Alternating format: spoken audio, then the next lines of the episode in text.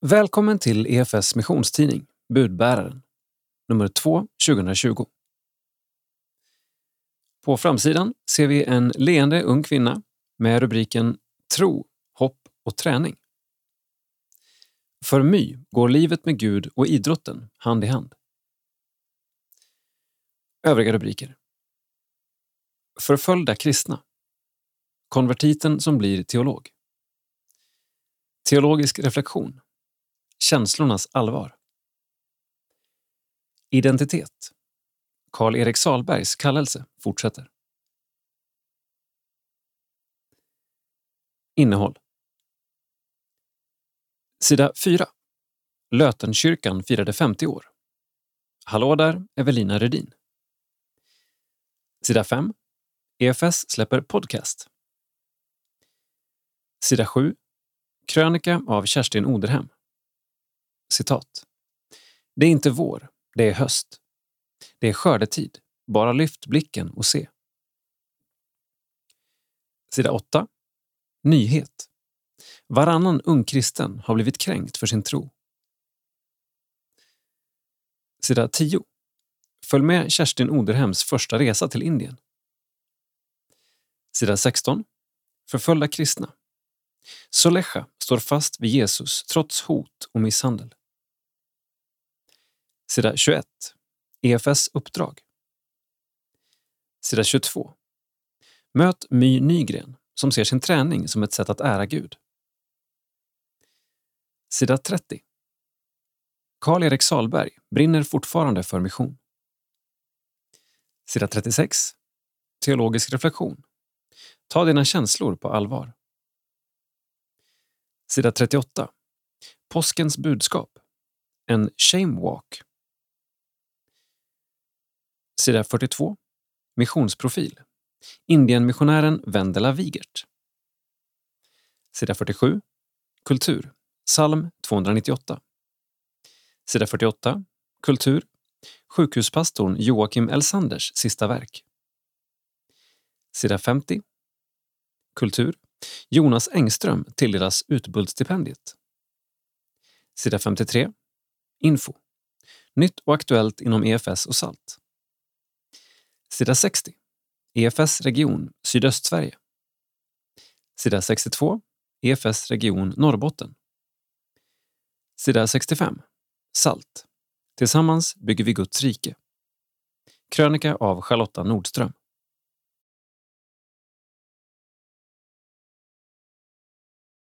Sida 3.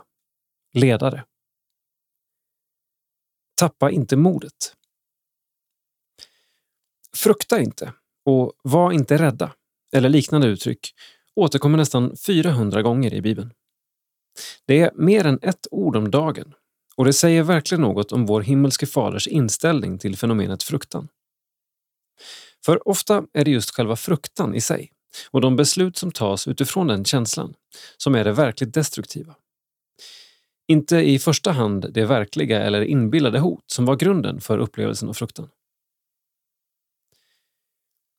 Om de scenarion som experterna utmålar vid en allmän spridning av coronaviruset skulle bli i Sverige, att cirka 70 procent insjuknar, mindre än 15 procent behöver sjukhusvård och ett fåtal, om ens några, utanför riskgrupperna kommer att dö, finns det ingen anledning att gripas av panik. Men vi måste hålla i minnet att allt från 200 till 1000 personer dör av vanlig influensa i vårt land varje år. Så tillhör du någon av riskgrupperna, äldre, kroniskt sjuka, personer med nedsatt immunförsvar och så vidare, då ska du såklart vara extra försiktig. Den stora utmaningen ligger i vad själva fruktan gör med oss människor, vårt samhälle och dess funktioner. Empatin avtar, börserna faller, hamstring ger upphov till varubrist och i förlängningen hotar en negativ spiral. Det är viktigt att vi som har uppdraget att förmedla evangeliet håller huvudet högt och fortsätter som vanligt med gudstjänster, diakonal omsorg och framförallt fortsätter förmedla hopp. Vi kan dock behöva se över våra rutiner kring nattvard, fika och hur vi hälsar på varandra. Det är också sunt att planera inför det värsta. Vem hör vi av oss till om vi blir sjuka och behöver hjälp? Vem ser till de ensamma och mest utsatta bland oss? Det kan vara vist att planera för att klara någon veckas isolering om alla i hushållet blir sjuka samtidigt och eller om det blir en tillfällig varubrist i butikerna. Var beredd på att ställa en matkasse utanför någons dörr eller att hjälpa någon att ta sig till sjukvården om transportmedlen blir begränsade. Tänk på det självklara och tvätta händerna ofta. Och glöm inte att knäppa dem i bön. Johan Eriksson, chefredaktör och ansvarig utgivare.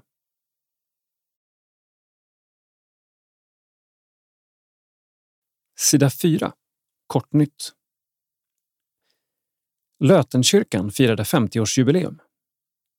Ärkebiskopen deltog i jubileumsmässa. Firandet pågick i en hel vecka och rundades av med jubileumsmässa den 1 mars.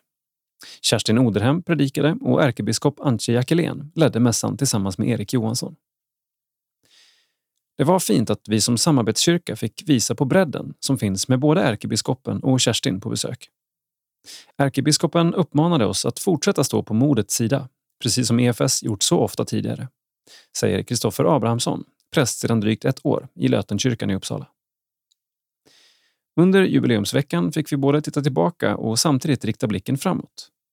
Jag hoppas att Lötenkyrkan ska få förbli en öppen kyrka dit folk får komma som de är och dela vår gemensamma längtan om en fördjupad relation till Jesus. Hallå där, Evelina Redin. En av deltagarna på EFS Västerbottens sportlovsläger i Hemavan.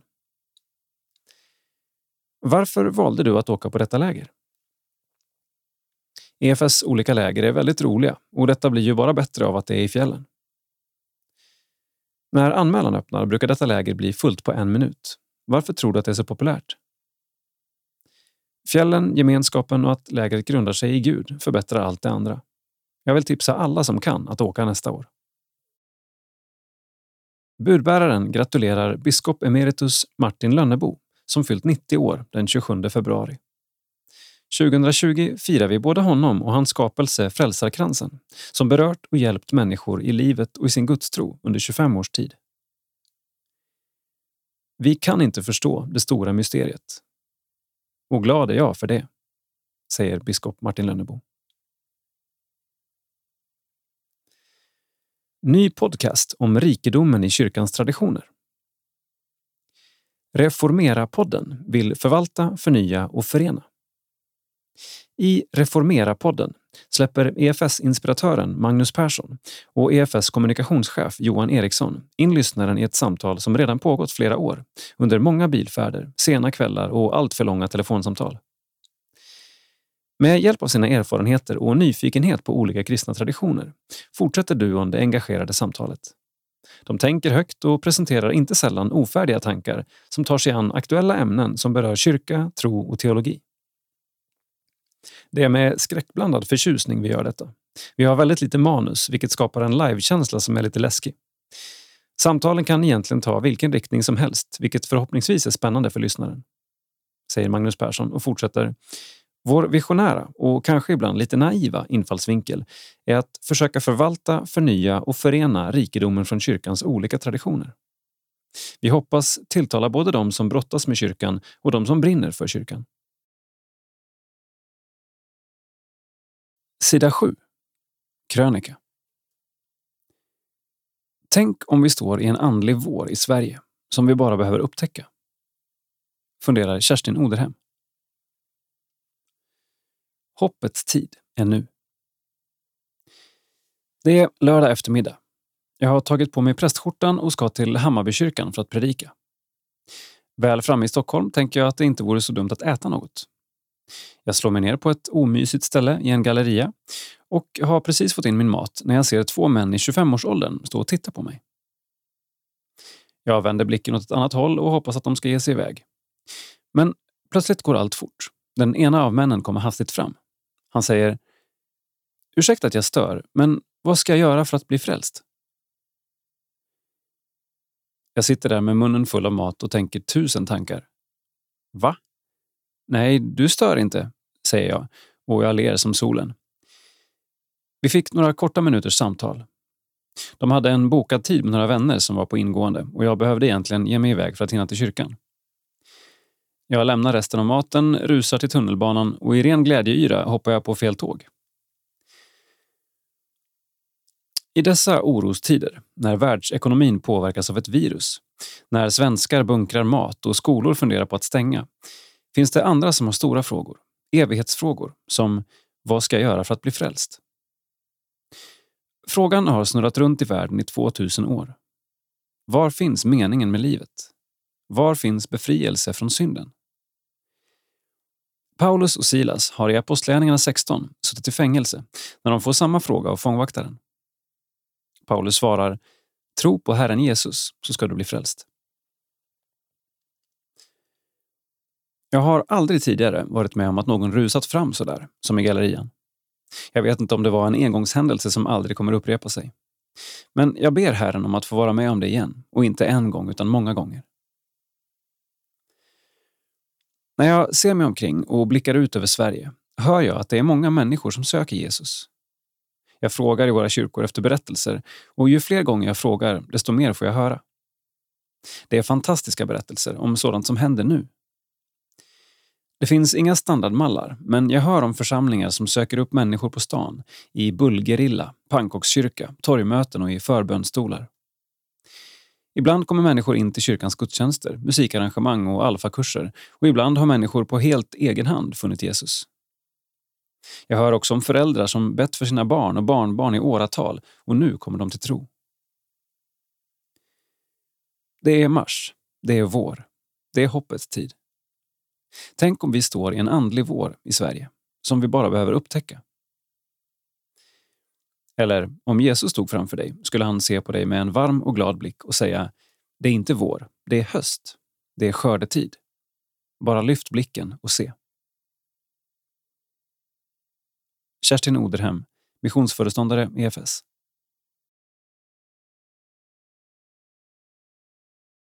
Sida 8. Nyhet. Varannan ungdom kränkt för sin tro. Sveriges kristna råd, SKR, har nyligen gått ut med rapporten Unga troende i samhället som visar att varannan ung kristen upplever sig kränkt på grund av sin tro i Sverige. Text Lovisa Fundell. Bild SKR. En fjärdedel har upplevt kränkningar från sina lärare. Och värst verkar det vara på naturkunskaps och religionslektionerna. Budbäraren har träffat Amanda Vadjan, biträdande generalsekreterare på SALT, för att höra hennes syn på rapporten. Jag blir inte alls förvånad när jag läser detta. Blir man överraskad över resultatet har man nog haft huvudet nedstoppat i sanden ett tag, säger hon. Amanda möter i sitt arbete många unga som vittnar om trakasserier och kränkningar på grund av sin kristna tro. På ett ledarläger för ungdomar bad Amanda deltagarna att skriva ner vilka reaktioner de mött när de berättat att de var kristna. Några av svaren som kom in var snudd på för grova för att läsa upp i gruppen. Att som tonåring få höra att man är en idiot, homofob, vetenskapsfientlig och korkad för att man tror på Gud är hårresande, säger hon. Amanda själv blev kristen som tonåring och visste inte hur hon skulle bli bemött för sin nyfunna tro. På en naturkunskapslektion sa hennes lärare att hon skulle bevisa att alla kristna är emot vetenskap och satte på en film. Filmen gick ut på att en reporter frågade kristna om de trodde på dinosaurier och alla svarade entydigt nej. Det var enligt läraren beviset för att alla kristna var världsfrånvända och oförmögna att tro på kunskap. Jag var ju nykristen och blev satt i en väldigt konstig situation. Jag hade aldrig upplevt att vuxna betedde sig så dåligt och jag vågade inte riktigt komma ut som kristen på högstadiet. På gymnasiet blev jag mer frimodig och kunde stå upp för min tro, mycket för att jag hade rustats i ungdomsgruppen. Att alla unga ska vara starka nog för att stå upp för sin tro mot både klasskamrater och lärare är inte självklart, enligt Amanda. Hon betonar att det först och främst inte är den unga individens ansvar, utan att vuxna måste kliva in och stå upp för barns och ungdomars rätt till tro. Hon trycker också på kyrkans ansvar i situationen och vill uppmuntra ungdomsgrupper att våga prata om vad ungdomar får möta i skolan och hos vänner. Kyrkan har ett uppdrag att rusta oss för att leva i vardagen. Där kommer apologetik in bland annat.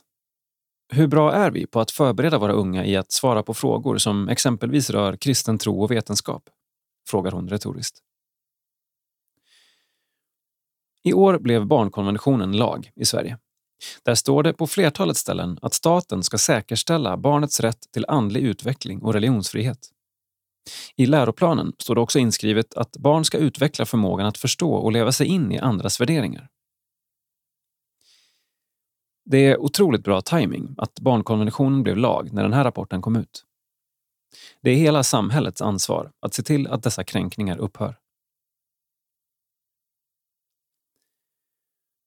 Unga troende i samhället. Rapporten har gjorts av Sveriges kristna råd i samarbete med kristna ungdomsorganisationer. 393 unga har svarat på frågor om kränkningar på grund av sin tro. 49 procent av de tillfrågade har upplevt kränkningar. 12 procent vet inte och 39 procent svarade nej. Citat ur rapporten. Jag blev kallad dum, fick kommentarer som “tror du på tomten också?” hånades med vulgära skämt om min tro och blev utfryst av vissa grupper. Värst var min lärare i geografi, som inte bara uppmuntrade utan sa det värsta. Jag lyfte det flera gånger men fick inget stöd av någon i skolan. Uppger inte kön, ortodox, storstad, 18 till 20 år. Sida 10. Globalt. EFS missionsföreståndare Kerstin Oderhem är nyligen hemkommen från sin första resa till Indien. Tillsammans med Erik Johansson, EFS internationella missionssekreterare, besökte hon ett flertal platser, församlingar och hem med kopplingar till EFS. För budbäraren berättar hon om sina intryck. Att få komma till Indien var något alldeles speciellt. Jag slog särskilt av den mänskliga värmen, omsorgen och den fantastiska gästfriheten, säger hon. Första bilden är på Kerstin vid en marknad sedan ser vi en bild på en grupp människor som sitter och ber. Med texten Kerstin hann med att besöka 15 olika hem på sju dagar. Här tillsammans med pensionerade sjuksköterskor i Padhar som bildat en bönegrupp. Det var fantastiskt att be med dem. Efter pensionen drog de igång ett arbete att be för byn. De ber regelbundet, flera timmar åt gången ett par dagar i veckan, säger Kerstin. Sedan har vi en bild på ett stort antal människor i en kyrkbyggnad med händerna lyfta mot taket med texten Kerstin och Erik fick också äran att vara med och inviga den efterlängtade kyrkan i Suktava. En mycket häftig upplevelse. Runt 2000 människor kom från byarna runt omkring och de som inte rymdes i kyrkan satt utanför under tälttak. Den festliga gudstjänsten pågick i flera timmar, säger Kerstin. Sedan ser vi en bild på tre stycken kvinnor som sitter vid en liten grillplats och gör bröd på en murika. Med texten Invigningen av kyrkan i Suktava avslutades med lunch för alla tusentals besökare. De tappra matlagarna hade börjat förbereda klockan fem på morgonen. Sedan en bild på en sjukhussal med texten Besöket i Indien innehöll också en rundvandring på Padhar sjukhus. Jag slogs av den underliggande passionen, livet med Jesus, som ligger till grund för att detta sjukhus finns. De börjar varje morgon med gemensam morgonbön, mitt i det centrala väntrummet. Och det präglar såklart hela verksamheten. När sången började blev patienterna nyfikna och kom för att lyssna.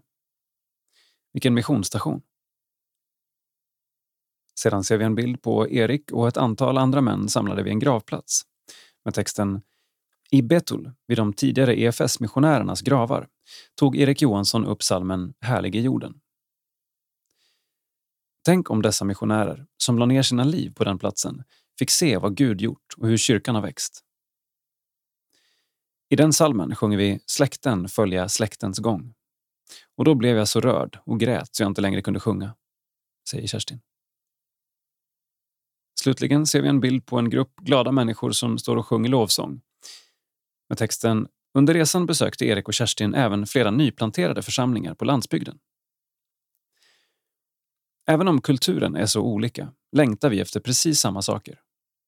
Människor och samhällen förvandlade av Jesus. Det är helt fantastiskt att få se vad Gud gör i sin världsvida kyrka.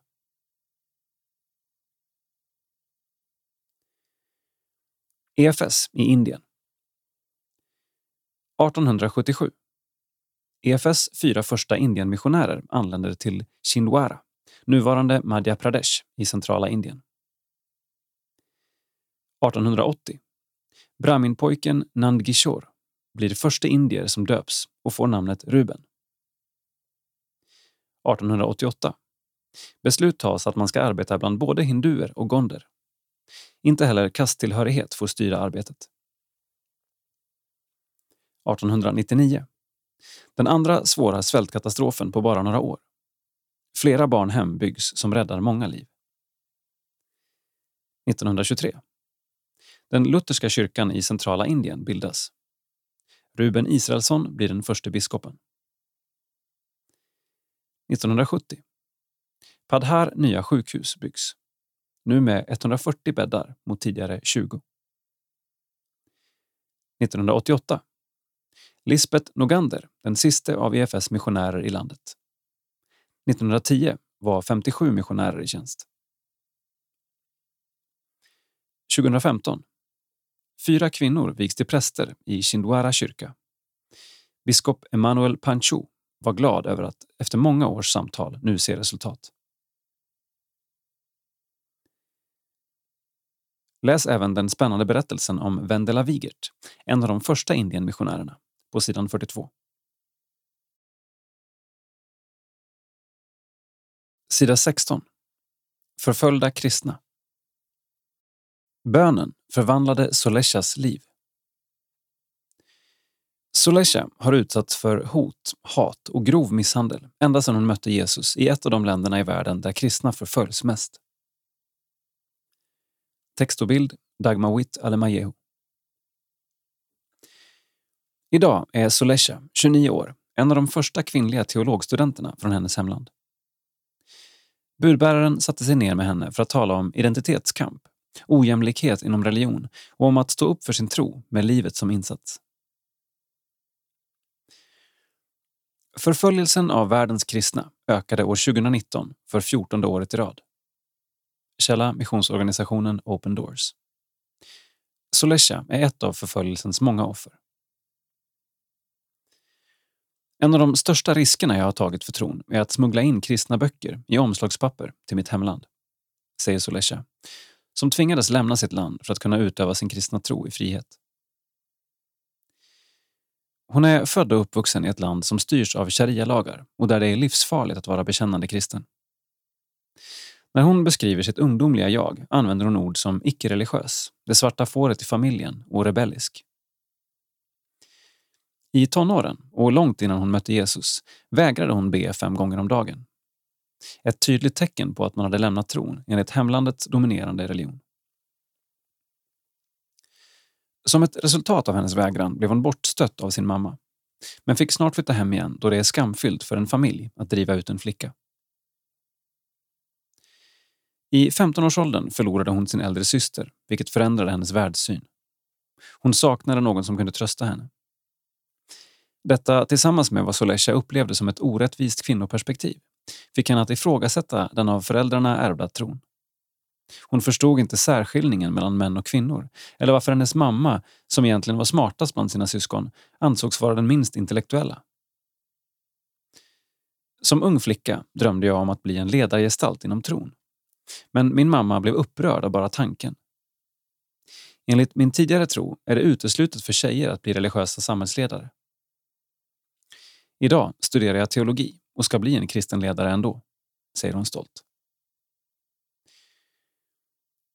Soleshas resa började när hon fick kontakt med en kristen landsman på Facebook. Han berättade om sin relation med Jesus, om treenigheten och om bön. En natt uppmuntrade han mig att stänga igen min sovrumsdörr och be till Jesus. Jag hade aldrig bett tidigare, så han fick leda mig och sa att jag skulle börja med Fader vår. En stark gudsnärvaro kom in i sovrummet och Solesha återberättar att hon förvandlades till en annan person. Hon var övertygad om att Jesus hade flyttat in i hennes hjärta och dagen därpå ringde hon sin vän för att i jubel bekänna att kristendomens Gud levde. Innan det här mötet trodde jag att Gud bara var för killar. Nu visste jag att han älskade flickor, mig också.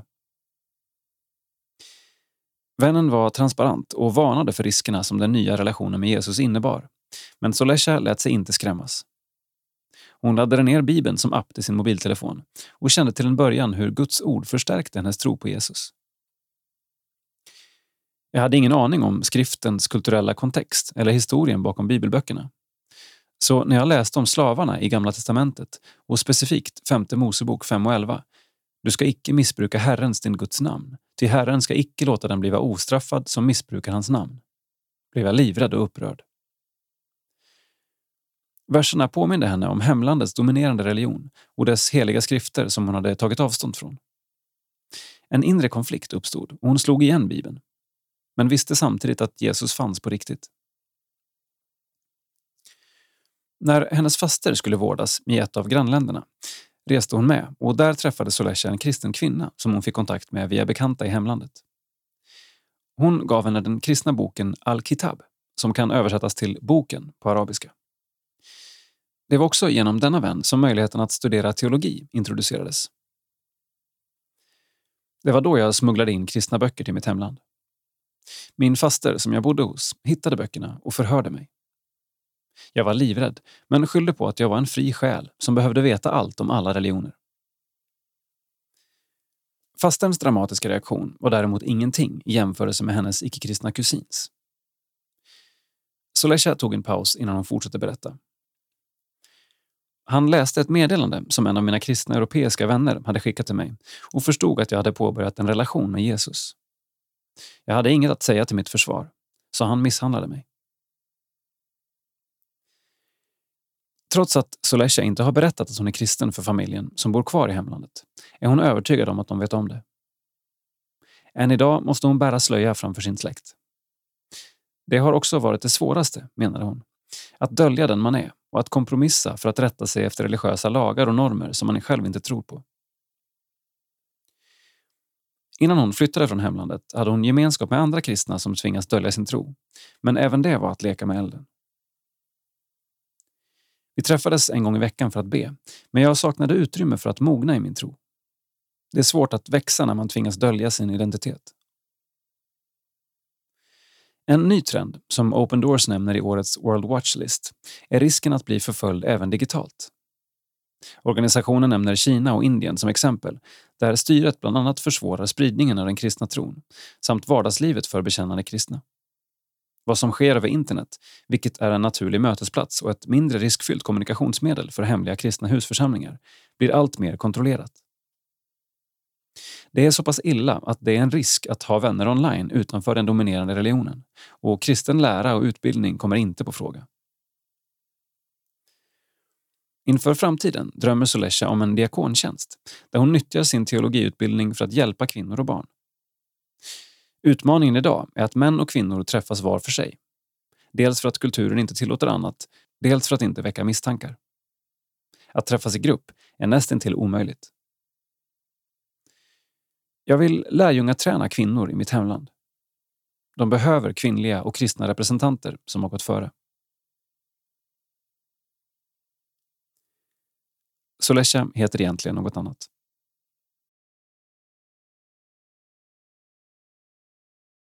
Sida 21. Vårt uppdrag. EFS brinner för att människor och samhällen ska bli förvandlade av Jesus. Här ger vi en bild av hur det kan se ut i praktiken. Leva mission genom tro, ord och handling. EFS vill stödja människors personliga tro och arbeta för att så många som möjligt ska få del av försoningens budskap och dopets och nattvardens synliga evangelium. Detta genom att skapa personligt engagemang för mission såväl lokalt som globalt. Vi behöver också förkunnelse, vittnande och diakoni. Internationellt vill vi verka för fred och gå vidare med evangeliet till folkgrupper som inte ännu har hört eller tagit emot dess budskap. Växa i lärjungaskap genom undervisning, träning och verktyg. Vi vill inspirera till bibelbruk och andliga samtal samt betona hela gudsfolkets roll som bärare av kyrkans uppdrag. Detta genom att satsa vidare på bibelskolor, utveckling av ledare och att utrusta Guds folk för uppdraget. Vi vill också undervisa om förvaltarskap och givande. Vi uppmuntrar till trosfördjupande erfarenhetsutbyten för att stärka den enskildes inre liv och efterföljelse. Forma kristna gemenskaper genom att plantera, utveckla och utrusta. Vi vill erbjuda strukturer, mötesplatser och former för detta. Vi vill också forma nya gudstjänstfirande gemenskaper och utveckla redskap och strategier för detta. Vi behöver också anpassa oss till nya generationers behov. Sida 22. Tema Identitet. My vill ära Gud med sin idrott. För My Nygren har träning och tro alltid rymts i samma liv. Nu är hon på väg tillbaka efter nästan två år av skadebekymmer. En tid som varit tuff, men som samtidigt gett många nya perspektiv. Text Jakob Arvidsson. Bild Jonathan Knutes. Ända sedan My Nygren var liten har hon älskat att idrotta. Men det var först på gymnasiet som hennes satsning på friidrott började. Jag har alltid haft lätt för att springa, men det var mycket annat som kom emellan. Det krävdes att min idrottslärare peppade mig att vara med i skol-SM i friidrott. Jag tog brons på 800 meter och efter det tog det hela fart, säger hon. Fram tills för två år sedan gick hennes friidrottssatsning framåt. Hon utvecklades hela tiden, satte personbästa nästan varje lopp och hade inga som helst problem att pressa sin kropp till max. Jag tränade på väldigt hårt, precis enligt min tränares filosofi och lyssnade inte så bra på kroppens signaler. Det är en svår balansgång, för det ska ju faktiskt göra ont ibland som idrottare och det krävs även mycket pannben för att lyckas. Men med facit i hand pressade jag på för hårt under för lång tid. Till slut kom nämligen dagen när det helt enkelt inte gick att träna längre. Kroppen sa ifrån på allvar och hennes sjukgymnast beordrade träningsförbud. Jag hade ont när jag gick i trappor och kunde inte gå snabbt eller ens göra situps. Jag blev väldigt begränsad och det var fruktansvärt tråkigt, tomt och frustrerande. De svåra skadebekymren i lårets baksida tvingade också My till att reflektera över sin självbild. För många i sin närhet var hon nämligen friidrottaren My och nu togs det plötsligt ifrån henne över en natt. Att bara vara en skadad idrottare är ett misslyckande. Så min identitet utmanades rejält. Jag minns att jag tänkte, vem är jag nu då? Och jag insåg så småningom att det inte kan vara friidrotten och eventuella framgångar där som avgör mitt värde som människa. Parallellt med idrotten har hon sedan barnsben funnits med i kyrkan och hennes tro på Gud kom att spela en avgörande roll när prövningarna var som värst. Gud fanns såklart med innan skadan också och jag bad mycket då med. Men nu vet jag att min främsta identitet inte är idrottare, utan att jag är Guds barn. Träningen kan vara ett medel, men Gud är målet. Den dag som budbäraren träffar My är dagen fullt planerad från morgon till kväll med flera olika åtaganden. Hennes båda världar, idrotten och kyrkan, finns ständigt närvarande och det är inte alltid helt enkelt att få ihop livspusslet. Stundtals har det varit splittrande, mestadels inombords. Under gymnasietiden var det nästan som att man tog på sig olika masker eftersom det är så olika jargonger, olika umgängeskretsar och olika attityder. Det skiljer sig mycket vad som premieras och upphöjs. Även om skadan har gett henne många nya perspektiv så får hon fortsatt, i princip dagligen, påminna sig om hur lätt det är att fastna i fällan att bygga sitt liv, sitt värde och sin identitet kring idrottsliga prestationer. Det är en ständig balansgång eftersom mycket träning också kräver mycket planering och anpassning. Jag vill fortsätta satsa hårt, men alltid tillsammans med Gud. Och jag vill inte låta ett enskilt sammanhang få forma mig helt och hållet. Gud är intresserad av att vara med i hela mitt liv, inte bara idrotten. Hennes idrottsgren är särskilt i riskzonen för att bli osund med tanke på att det är en så kallad viktbärande idrott. Gränsen är ofta hårfin mellan kortsiktig prestation gå ner i vikt och långsiktig hälsa, äta rätt. Ätstörningar och ohälsa är tyvärr vanligt förekommande i hennes omgivning. Det händer att medel och långdistanslöpare blir avstängda eller inte kan träna på grund av ätstörningar. Jag har fått se hur osunt och illa det kan bli. Många har en väldigt skev syn på sin egen kropp och det finns de som fått höra att de behöver gå ner i vikt trots att de redan är pinsmala, vilket är fruktansvärt, säger My och fortsätter. Kläderna vi tränar och tävlar i spelar uppenbarligen en roll i detta också. De ska ju vara så lätta som möjligt att röra sig i och visar ofta mycket hud. Jag tror också att sociala medier och innehållet som läggs upp där ofta har en negativ inverkan. Det är jättelätt att jämföra sig med andra och dras med i kroppshetsen, vare sig man vill eller inte. I vissa situationer är detta något som kan märkas extra tydligt. På träningsläger, när man bor ihop och äter varje måltid tillsammans, kan detta göra sig påmint. Jag tycker att det är viktigt att klubbarna utbildar aktiva i kost och hur de bör äta för att få i sig nog. Det är även viktigt att tränare är medvetna om problematiken och hur de pratar om kropp och vikt. De senaste fem åren har hon jobbat för den ideella ungdomsorganisationen KRIK, Kristen idrottskontakt. Se mer info i faktaruta. I olika roller. Just nu är hon ansvarig för deras arbete med integration. Att få förena idrottens glädje med kyrkans glädje och använda idrotten som en brygga till tro är något som My verkligen brinner för.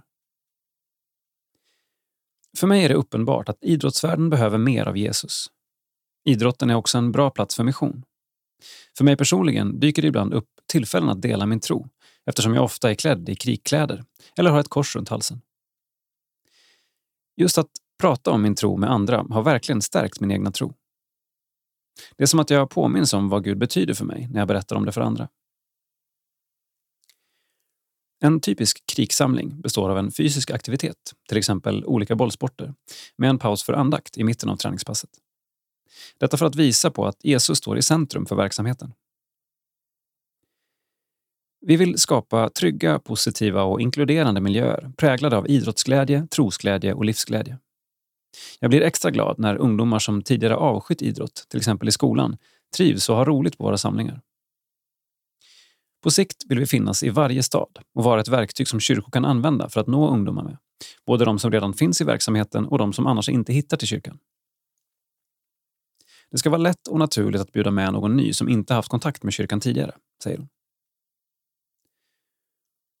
Utöver engagemanget i krig finns My Nygren även med som aktiv medlem i Lötenkyrkan Uppsala.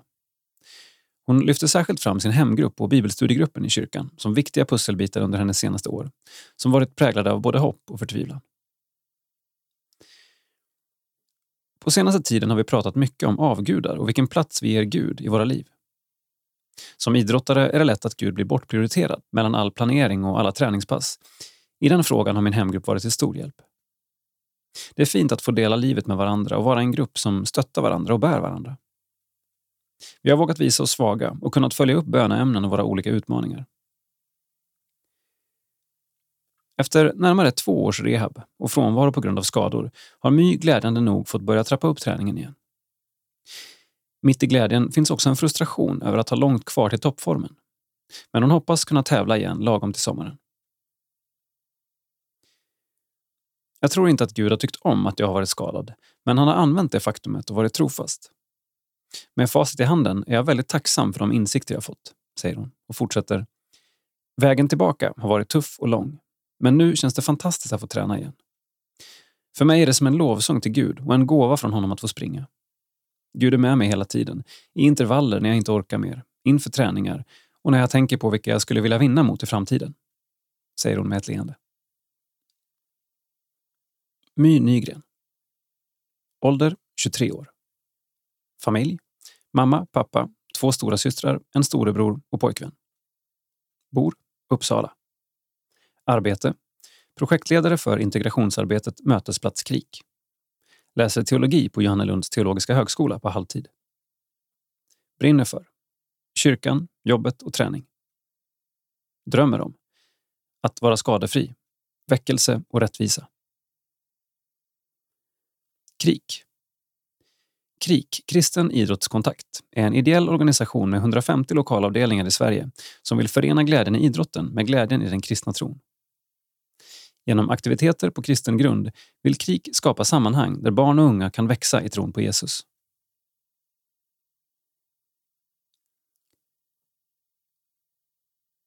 Kroppsövningar är nyttiga på sitt sätt, men gudsfruktan är nyttig på alla sätt med sitt löfte om liv både för denna tiden och den kommande.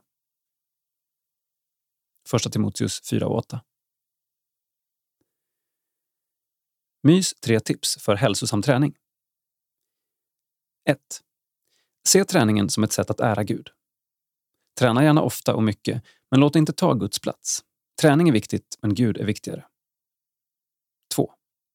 Helga vilodagen. Återhämtning är viktigt. 3. Fyll på med näring. bra mat och andlig föda. Sida 30. Tema identitet. Den ständige missionären. Prästen Karl-Erik Salberg har gjort avtryck i många hjärtan. Inte minst genom 20 års arbete i Sankta Clara kyrka, Stockholm. Själv blickar han mest framåt. Vid 74 års ålder gläds han nu åt möjligheten att hjälpa barn och fattiga i Tanzania. Text Miriam Arbeck. Bild Magnus Aronsson. Karl-Erik Salberg vet hur det känns att befinna sig långt ner på den sociala stegen. Som tolvåring bodde han en tid med sin mamma och bror i två rum i änden på en laggård. Mamman bar hela försörjningsbördan och det var tufft. Nu sitter Karl-Erik i ett vackert hus med berget Kilimanjaro som imponerande fond. Han kan tacka Gud, inte bara för egen mat på bordet, utan för att han här i Tanzania kan bidra till mat och husrum till ytterligare nästan 200 personer varje dag. Han känner sig rik, den fattige tonårspojken från Svenstavik i Jämtland. Ibland tänker jag att det var bra att gå igenom den där uppväxten. Man blev inte bortskämd, säger Salberg och fortsätter. Jag har tänkt på hur människor som lever i överflöd ibland verkar tomma och deprimerade. Här i Tanzania tror jag knappt jag mött någon som är håglös på det sättet. Huvudparten av det hjälparbete han nu driver tillsammans med hustrun Overa sker genom organisation Mokicho, Mount Kilimanjaro Children Care Organization. I dagsläget består det av 26 familjehem där 130 barn som tidigare varit övergivna får mat, trygghet och framtidstro. Föräldrar som bryr sig. En säng att sova i. Fördelen med familjehem är att när barnen blivit lite äldre så finns det ett hem att återvända till. På ett vanligt barnhem kommer hela tiden nya barn, så din sängplats finns inte kvar. Barnen där blir föräldralösa en andra gång i livet, säger Karl-Erik. Men andra hjälpbehov gör sig också ständigt påminda. Behoven knackar i bokstavlig bemärkelse på dörren varje dag hos Karl-Erik och Overa. Därför har de startat Missionsfonden och via den får människor hjälp att betala kostnader för sjukvård, operationer och skolavgifter. En del får små bidrag till nyföretagande. Att säga nej är svårt. Vi skriver upp alla så det blir ett kösystem. Sedan förklarar vi att det kan ta tid innan de får hjälp. Vi ber alltid om ett brev från prästen eller byordföranden som intyg på att det personen säger är sant. Alla beskriver sin nöd och vi har också gått på en del nitar. Men man får se upp så man inte blir hårdhjärtad och tror att alla försöker lura en. Ett viktigt projekt är att bygga enkla bostäder. De flesta av de 24 små husen som hittills byggts har gett tak över huvudet för fattiga änkor. När jag en dag är borta står husen kvar. Det är att göra avtryck i världen, säger Karl-Erik. Ja, hur vill han bli ihågkommen? Och hur minns han själv sitt liv? Memoarerna är påbörjade. Men med tanke på den fulltecknade kalendern och alla visioner för framtiden så lär det dröja innan det är aktuellt att ge ut dem. I den nyutkomna boken Välsignelser i mitt liv, Semnos förlag 2019, finns dock många glimtar ur livsresan. I förordet konstaterar Salberg att han tidigare varit van att kallas ung. En tid var han näst yngsta präst i Sverige och han var på sin tid en av de yngre kyrkoherdarna. Nu kallas han Mzee i Tanzania, vilket betyder gamling i en hedrande betydelse. Vissa av hans tidigare elever från bibelskolan i Makumira på 1980-talet, då han var missionär i Tanzania, börjar nu att gå i pension. Ett par av dem blev med tiden biskopar i den evangelisk-lutherska kyrkan i Tanzania, till exempel nuvarande ärkebiskop Fredrik Chu, ledare för kyrkan med sju miljoner medlemmar. Han hälsar mig Shikamo, som den underordnade gör, ungefär som ett barn skulle säga till en äldre. Han gör det med glimten i ögat, men vi tycker båda att det är lite roligt att han hälsar mig så, säger Karl-Erik och skrattar gott. Karl-Erik är 74 år, men inte intresserad av att sätta sig på åskådarplats. Vid sin senaste födelsedag slogs han dock av tanken att det inte är alla förunnat att uppnå den åldern. För första gången kände jag tacksamhet över min ålder. Förut har jag tänkt att det är väl inget roligt att bli äldre, men nu har det börjat kännas nästan som en gåva. Tänk att jag nådde den här åldern. Jag fick uppleva det här året också. I takt med att han har blivit äldre har Karl-Erik blivit mer seriös när det gäller att människor ska få upptäcka den kristna tron. Jag vill inte dö som en tyst kristen som inte delade med mig av min tro, som ju betytt allt i mitt liv. Jag är ingen bra evangelist, men jag försöker i alla fall. Jag vittnar ofta för de fattiga om att jag själv varit fattig, men att mycket vände när jag blev kristen och att det håller att lita på Gud. Någon skulle kanske kalla det framgångsteologi, men hellre det än motgångsteologi. Karl-Erik blev pensionär 2012 och mest konkret innebar det avslutning på tjänsten som direktor i Sankta Clara kyrka. Prästkragen finns dock kvar, liksom kallelsen. Friheten gav möjlighet att återvända till Tanzania, hem till hustrun Overas barndomstrakter. Den gångna sommaren firade Karl-Erik och Overa 30 år som gifta. Hon flyttade med honom till Sverige i slutet av 1980-talet, tjänstgjorde som präst och trivdes bra. Tankarna på ett liv i Tanzania tog egentligen fart när Overa 2005 fick en tomt av sin far. Under årens lopp har de hunnit att bygga ett par hus där. Ett hem som de beslutar att flytta till efter pensionen. Men det är inte frågan om något stillasittande. Förutom familjehemsverksamheten och andra hjälpinsatser undervisar både Karl-Erik och Overa på bibelskolan i Muika. Karl-Erik undervisar i allmän och afrikansk kyrkohistoria och det är ingen överdrift när Karl-Erik säger att han älskar kyrkohistoria. Kyrkohistoria handlar om människor och Guds handlande med människor. Tänk att kyrkan efter alla förföljelser, efter allt som den gått igenom, eller själv varit orsak till, ändå har bestått. Helt nyligen har han kommit ut med en bok om just kyrkohistoria. Dag för dag, ett kyrkohistoriskt kalendarium, Semnos förlag, med en händelse för varje dag från hela världens och alla tiders kyrkohistoria. Knappt hade den lämnats till tryck förrän Karl-Erik var igång med nästa manus. Han ger ut böcker både i Sverige och i Tanzania. Just nu jobbar han på ett utkast till en bok som ska komma i vår. En teologisk bok på svenska med arbetsnamnet De tre nycklarna. När han inte skriver böcker är det informationsbrev från Mokicho som gäller. Eller så skriver han kanske på en debattartikel.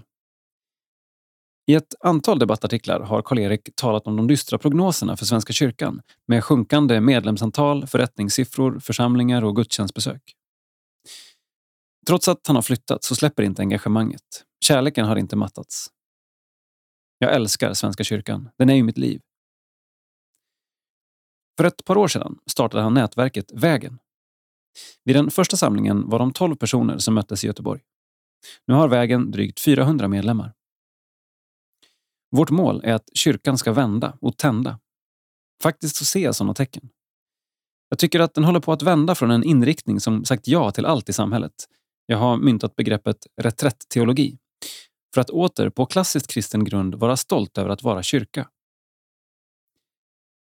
Initiativet Vägen vill vara ett positivt hejarop till alla goda krafter inom Svenska kyrkan. Det är inte säkert att jag ska vara personen som Gud vill använda. Jag sitter ju här. Men jag sådde ett frö. Karl-Erik Salberg. Ålder 74 år. Familj hustrun Overa, fyra barn och tre barnbarn. Bor i byn Marango, Tanzania. Arbetar, är pensionär men undervisar på bibelskola, driver organisationen Mokicho och Missionsfonden som hjälper utsatta. Böcker har skrivit cirka 30 böcker på svenska och swahili och översatta till ett tiotal språk. Aktuell med den nya boken Dag för dag, ett kyrkohistoriskt kalendarium, Semnos förlag. Boken Tre nycklar kommer också senare i vår. Motto. Att vara beroende av Gud. Sida 36. Teologisk reflektion. Att ta sina känslor på allvar. Relationen till Gud förutsätter ett jag och ett du. Om jag vill mogna i min relation till Gud måste jag också ta mig själv och då även mina känslor på allvar. Genom att lyssna till dem kan vi ta ansvar för vårt liv. Text Kristoffer Abrahamsson Illustration Benjamin Kruse. Genom kristenhetens historia har förhållningssättet till känslor varit kluvet. Å ena sidan har det alltid funnits de som i Guds namn försökt förneka sina känslor. Känslorna har setts som en störning, något vi måste befria oss från för att nå en renare andlighet. Verkligheten kommer dock förr eller senare ikapp oss eftersom våra känslor är en del av vår mänsklighet. Å andra sidan har det funnits de som sagt sig velat lyssna till sina känslor. Men i själva verket har de snarare velat dressera sina känslor. Det har funnits en känsla som varit eftersträvansvärd, en viss sorts känsla man försökt frammana. Magnus Malm lyfter ofta upp dessa frågor i sin förkunnelse, bland annat i sina bibelstudier från Hönökonferensen 2016. Vårt förhållningssätt till våra känslor beror till stor del på vår uppväxtmiljö, där föräldrar och en eventuell hemförsamling har avgörande betydelse. Det finns ofta normer kring vilka känslor som bör eftersträvas och vilka som måste förträngas. En del blir därför känslomässiga analfabeter, oförmögna att läsa och tolka känslor. Istället reagerar vi instinktivt och irrationellt och kan bli främlingar inför vårt eget beteende. Varför gjorde jag så där? Varför reagerade jag så starkt på detta? Erfarenheten från själavården vittnar om följande. Människor som aldrig lärt sig lyssna till sina känslor i sin familj har ett svårt arbete framför sig. För de som utifrån sin kristna tro förträngt somliga känslor är det oftast ett ännu svårare arbete. Risken är stor att man i längtan efter att bejaka sina känslor förtränger Gud. Jag tror att jag behöver välja mellan Gud och mina känslor. Men det är ett falskt val. Att lära känna Gud är att lära känna sig själv och i vårt jag ingår våra känslor. Hur ska vi då göra med våra känslor?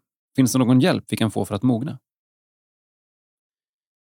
Det första steget är att acceptera att vi har känslor. Om vi blundar för detta självklara faktum kommer det bli omöjligt för oss att förhålla oss till dem. Känslorna är det som oftast kommer först till oss, som väcks inom oss. Innan vårt intellekt analyserat har känslorna reagerat. Vi behöver lära oss att lyssna till våra känslor och på så sätt kan vi också ta ansvar för dem. Om vi ignorerar känslorna tenderar de att ta över allt. Om vi blint lyder dem blir vi slavar under dem.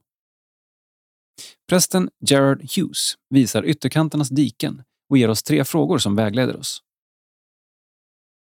1. Vad säger känslan? Istället för att vifta bort känslan eller trycka undan den får jag ta emot den och börja lyssna till den. Vad är det känslan försöker säga? En känsla kan inte vara fel, utan våra känslor är bärare av budskap till oss. Vi får sedan med Guds hjälp öva oss att urskilja och tolka dem. För att kunna göra det behöver vi lyssna till dem och öva oss att se på våra känslor som budbärare som vi nyfiket får undersöka. 2. Varifrån kommer känslan och vad gör den med mig? Om jag lever under stress kanske längtan efter vila uppstår. Är det ur min rastlöshet som lusten att konsumera väcks? Är det min dåliga självkänsla som får mig att bli oproportionerligt arg på de som kritiserar mig? Ju fler frågor jag kan ställa, desto enklare har jag att förstå roten till min känsla. Frågorna handlar om att försöka upptäcka varifrån känslan kommer och vad den gör med mig just nu. Fokus är inte på att ge ett tillrättalagt svar, utan att komma underfund med varifrån känslan har sin rot, sitt ursprung. 3. Vad händer om jag följer känslan? Synden kan för stunden ge oss glädje, tillfredsställelse och njutning, men i längden leder den oss fel. Om jag blint lyder alla känslor riskerar jag att begå handlingar som är felaktiga. Därför behöver jag fråga mig själv, vad händer om jag går åt det hållet som mina känslor pekar? Ett exempel som Magnus Malm tar upp i sitt bibelstudium kan vara till hjälp. Om längtan efter en annan partner än min egen uppstår, behöver jag fråga mig själv vad som händer om jag följer känslan. Svaret är att jag är otrogen och därmed lämnar min partner. Följdfrågan blir då, vill jag följa den här känslan? Är svaret nej, så har jag lyssnat till känslan, betraktat den, men sedan avfärdat den. Som Martin Luther lär ha sagt, du kan inte hindra att fåglar flyger ovanför ditt huvud, men du kan hindra att de bygger bo där. Oavsett vad vi känner ger följande ord från Magnus Malm hjälp på den mödosamma resan att lära känna oss själva och våra känslor. Vi kan inte känna fel, men vi kan handla fel. Våra känslor bär alltid, alltid viktiga budskap till oss. Samtidigt kan vi i vår tid behöva påminna oss om att våra känslor inte säger allt. Våra känslor behöver ställas i dialog med hela vår mänsklighet, vårt förnuft, vår vilja, vår kropp och så vidare. Med kyrkans tradition och andra människor i vår närhet och med Gud. Vi ska inte dressera våra känslor, utan lyssna till dem. Vi ska inte hänge oss åt våra impulser, men ta det våra känslor säger på allvar. Vi behöver inse att våra känslor är en del av vår mänsklighet och att allt det mänskliga är en kontaktyta med Gud. Genom att lära känna oss själva kan vi också fördjupa vår relation till Gud. Sida 38. Teologi. Påskens budskap. En shame walk. För varje kristen finns en kallelse som är viktigare än alla andra. Att för sig själv och för andra berätta om den nåd som vunnits genom den shame walk som Jesus Kristus gick. Skriver Thomas Nygren. Text Thomas Nygren. Illustration Benjamin Kruse. Tidigt på morgonen, den dag Jesus korsfästes, troligen den 3 april år 33, förnekade lärjungen Petrus honom tre gånger. När den uppståndne Jesus sedan bygger sin kyrka, vad gör han? Han låter den fege svikaren Petrus få förlåtelse och en ny chans. Petrus blir en av de centrala ledarna i den unga kyrkan. Den romerske kejsaren Theodosius beordrade år 390 en grym massaker i Thessaloniki eftersom folket där motsatte sig hans välde. Väl tillbaka i sin hemförsamling i Italien gick kejsaren till gudstjänst för att få ta emot nattvarden. Men prästen vägrade ge honom den för att han hade beordrat en massaker. Prästen Ambrosius kunde här ha firat sin sista gudstjänst. Att stå upp mot kejsaren var livsfarligt, vilket händelserna i Thessaloniki hade illustrerat. Det märkliga inträffade dock att kejsaren insåg att han hade handlat fel och lät göra den bot som avkrävdes honom.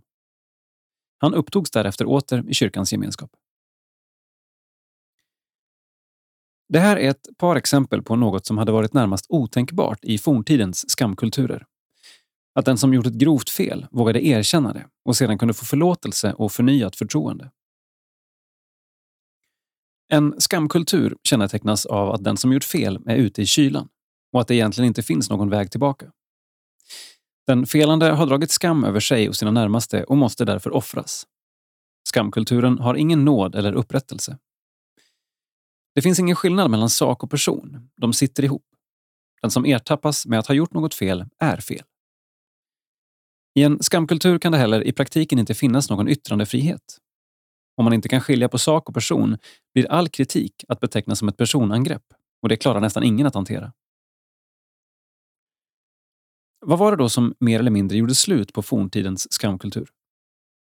Några absolut grundläggande delar i brytningen med detta sätt att fungera kom med Bibelns, den judekristna trons, berättelser. För det första beskrevs människan som en individ i ett kollektiv med personligt ansvar för sitt handlande och inte enbart som en del av ett kollektiv. I förlängningen öppnade det för förlåtelsens möjlighet för individen. För det andra beskrevs alla människor som syndare, vilket innebar att ingen egentligen kunde se ner på andra som mindre lyckade. Alla befann sig på samma plan. För det tredje beskrevs hur Jesus betalade priset för alla syndares synder när han dog på ett kors. Syndens skuld reglerades och förlåtelsen gjordes tillgänglig. Sammantaget gjorde detta att syndens skuld skildes från syndaren. Försoningen öppnade möjligheten till comeback för den som hade gjort fel. Det blev möjligt att bygga en nådens gemenskap bestående av ofullkomliga människor. Värden som öppenhet och ärlighet fick helt enkelt en större chans att få genomslag eftersom det med nåden i ryggen var möjligt att skilja på sak och person på ett nytt sätt. Kulturellt blev det i församlingen möjligt att gå från skam till skuld i hanteringen av människans tillkortakommanden. Kristi kyrka har inte alltid förvaltat detta på ett optimalt sätt, men det har hela tiden funnits som en tillgång i hennes budskap. Kyrkan är en gemenskap av förlåtna syndare, av upprättade, svekfulla människor. Genom århundraden har den kristna berättelsen om synd och förlåtelse kommit att prägla hela samhällen. Man såg att alla, såväl härskare som underlydande, stod under samma Guds lag. Lagöverträdelser skulle visserligen straffas, men de kunde till sist ändå hanteras genom förlåtelse och nya chanser för överträdaren.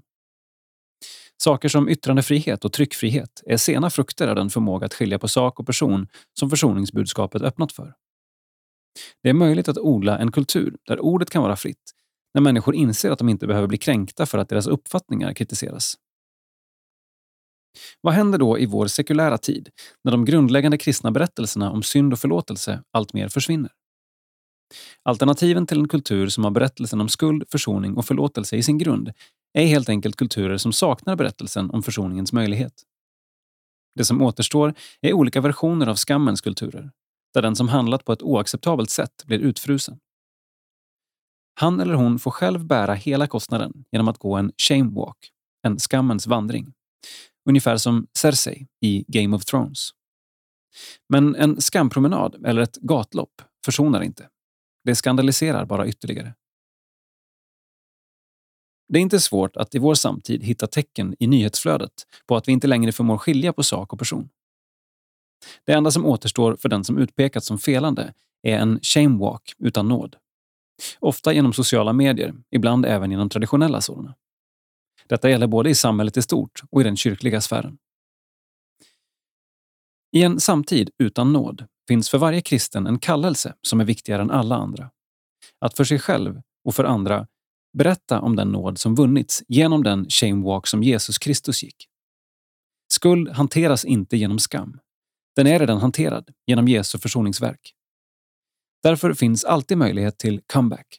Både för oss själva och för andra. Både efter små och efter stora felsteg.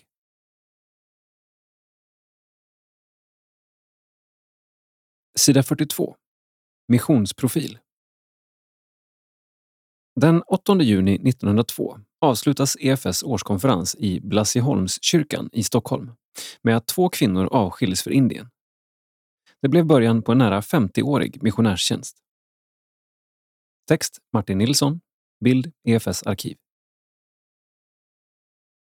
Vendela Wigert Vendela Wigert var i Nimpani, nuvarande Padhar, 1902 till 1912 och därefter i Shapur till 1949. Målande beskriver hon det älskade landet Indien. Här är ett citat från EFS årsbok för 1904. Om kvällarna, då vi icke går till byarna så sent, brukar vi gå ut till tjänarna här utanför tältet och sitta med dem runt den lilla stockelden samt läsa, sjunga och bedja. Över oss är den mörka natthimlen och den tindrande stjärnehären och de gamla, välkända, kära stjärnbilderna, Karlavagnen och Orions bälte. Runt omkring oss nattens tystnad, blott då och då avbruten av en hop schakalers gälla tjut och någon gång en trumvirvel eller sång där bortifrån byn. Nils Dahlberg skriver i minnesrunan över Vendela i Budbäraren 1963 att hon var en brinnande andemänniska som, fast hon var så verksam och alltid hade så bråttom, hade tid för bönen bakom den stängda kammardörren. Men hon brann också för den obeskrivliga nöden bland Indiens folk. Hon köpte mark och delade ut till de fattiga bönderna. Det blev en kristen by. Hon lärde dem att odla åkrarna på ett mer rationellt sätt så att det gav rikare skördar. Hon startade en mässingsindustri där många saker tillverkades och hade en stor åtgång i Sverige. Chapur, som var en vildmark, blev en liten lustgård, en konungens stad, skriver Nils Dahlberg. Vendela var en zenana-missionär, en särskild tjänst för att nå de indiska kvinnorna. I början besöktes indiska byar där hon såg behoven och möjligheterna och så startades utbildningen av bibelkvinnor och diakonissor i Chapur. De kunde ännu bättre nå kvinnorna i byarna. Jag blir lite förvånad över att Vendela inte också blev författare. Hon har visserligen skrivit några böcker, varav ett par är minnesskrifter av avlidna kollegor. Förmågan att uttrycka sig målande var hennes gåva. Här ännu ett citat. Ramal vandrar den välkända vägen. Över de vida slätterna mellan Hoshungabad och Itarsi, uppför de fagra Satpura berg så välkända av oss missionärer. Där gömma djunglerna så många hemligheter. Där bor gonderna i sina små byar.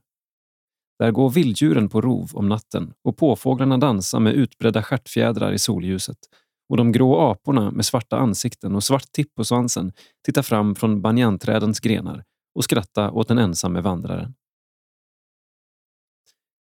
Tre korsets stridsmän är ett litet häfte som gavs ut 1951. Där skildras tre indier som är frukten av missionsarbetet. Som avslutning av den här artikeln om Vendela vill jag återge avsnittet Guds spelman, eller Gondernas apostel, där gondprästen Hirdai Babi möter den korsfäste Kristus. Det passar bra att läsa inför den stundande påsken. Det är mitt i vilda djungeln. En flod. Höga träd beskuggar den gröna sluttningen. Ovan floden ett mäktigt ihåligt mahoaträd. Nedanför detta en skara gonder. Kvinnorna iklädda rödbruna och vita skynken, tryckta i brokiga, underliga mönster, samt med halsband av glaspärlor och små vita snäckor, amas, så att hela bröstet är täckt därav. Glasarmband lysa rött, grönt, blått, gult i oskyldig färgglädje. Skramlande, grova mässingskedjor och järnsmycken kring fotlederna. Smycken fyllda med hagel, så att varje steg ger ett klirrande ljud. Klirr, klarr, klirr, klarr. Det låter som härlig musik i skogsmänniskornas öron vid gondkvinnornas och gondflickornas hurtiga dansande marschtakt. Är det inte vackert? Jo, visst är det vackert. Och mörka ögon stråla och pärlvita tänder glänsa mot bruna, leende ansikten och raska, rappa tungor rulla fram gondernas klirrande, klarrande R-ljud. Det trillar, det trallar, som haglet i fotbojorna. Rysligt roligt, roligt idag vid storgudens firning. De är så enkla, så naiva, så glada och så grovt tillhuggna till hela sin varelse av naturlivet i Gondwana-skogarna. Nedanför mahoa-trädet sitter de äldre männen i ring på marken kring sin bumka, avgudaprästen. Han är en helt ung man, knappt mer än en gosse, med ett intelligent ansikte och vackra mejslade drag. Hokan, lerpipan, går från hand till hand laget runt. Långsamt, värdigt, drar var och en i tur och ordning några blås därur. Där inne i trädet bor storguden. Jag gick förbi trädet igår. Då var öppningen i den ihåliga stammen så väl övertäckt att endast ett vant öga kunde upptäcka ett fönsterliknande hål som leder in till ett litet rum i det inre. Men idag är det storgudens dag och idag är det gondernas tingsdag. Och trädets inre är blottat. Storguden, ett stålsvärd i en spånkorg, är framburen på gudaplatsen. Alla tillrustningar är gjorda. Nu ska ting hållas och rättvisa skipas och offren frambäras. Betänksamt sändes hokan från man till man. Brottslingarna föras fram en efter en. Där står en ung man, darrande inför sina domare. Han är en ynklig syn. Han bugar sig djupt ända ner till jorden. De hoplagda händerna föras ödmjukt till pannan. Han ställer sig på ett ben och så lyfter han händerna och fattar i båda sina öron. Så erkänner man sin skuld i Gondwana och med den gesten säger man “Jag ska aldrig göra så mer”. De hokar rökande, håller rådslag. Mängden lyssnar. Så fäller Bomkan den avgörande domen. Svårt har han försyndat sig. Han har brutit mot kastens lagar. Hörde inte hon, den kvinna som han levat samman med, till det föraktade Bangi-folket? Inte kan en sådan syndare återupptagas i kasten utan den strängaste bot och rening. Eldsprovet måste han genomgå. Och sedan sju gånger bada i heligt vatten och därefter för hela kasten tillreda försoningsmåltid. Ja, eldsprovet måste han genomgå. Eldsprovet. På sluttningen ovanför floden är en sex fot lång och några fot djup grav. Bunden kastas brottslingen ner däri. Han uppstämmer förtvivlade rop av fasa och förskräckelse. Över honom utbredes ett tunt lager av halm. Man tänder. Brännvinsflaskan går från mun till mun. De gamla männen dricka, de unga männen dricka, kvinnorna dricka, barnen dricka. Virvlande går avgudadansen. Kvinnorna sopa framför sig med stora kvastar av påfågelsfjädrar under det de hand i hand trampar fram och åter, fram och åter över gudaplatsen. Fotbojorna klirra, glasarmbanden klinga, snäckor och pärlor rassla och pingla. Bruna och röda sari svänga hit och dit. Under höga tjut och stridsrop höja männen stavarna såsom spjut över sina huvuden.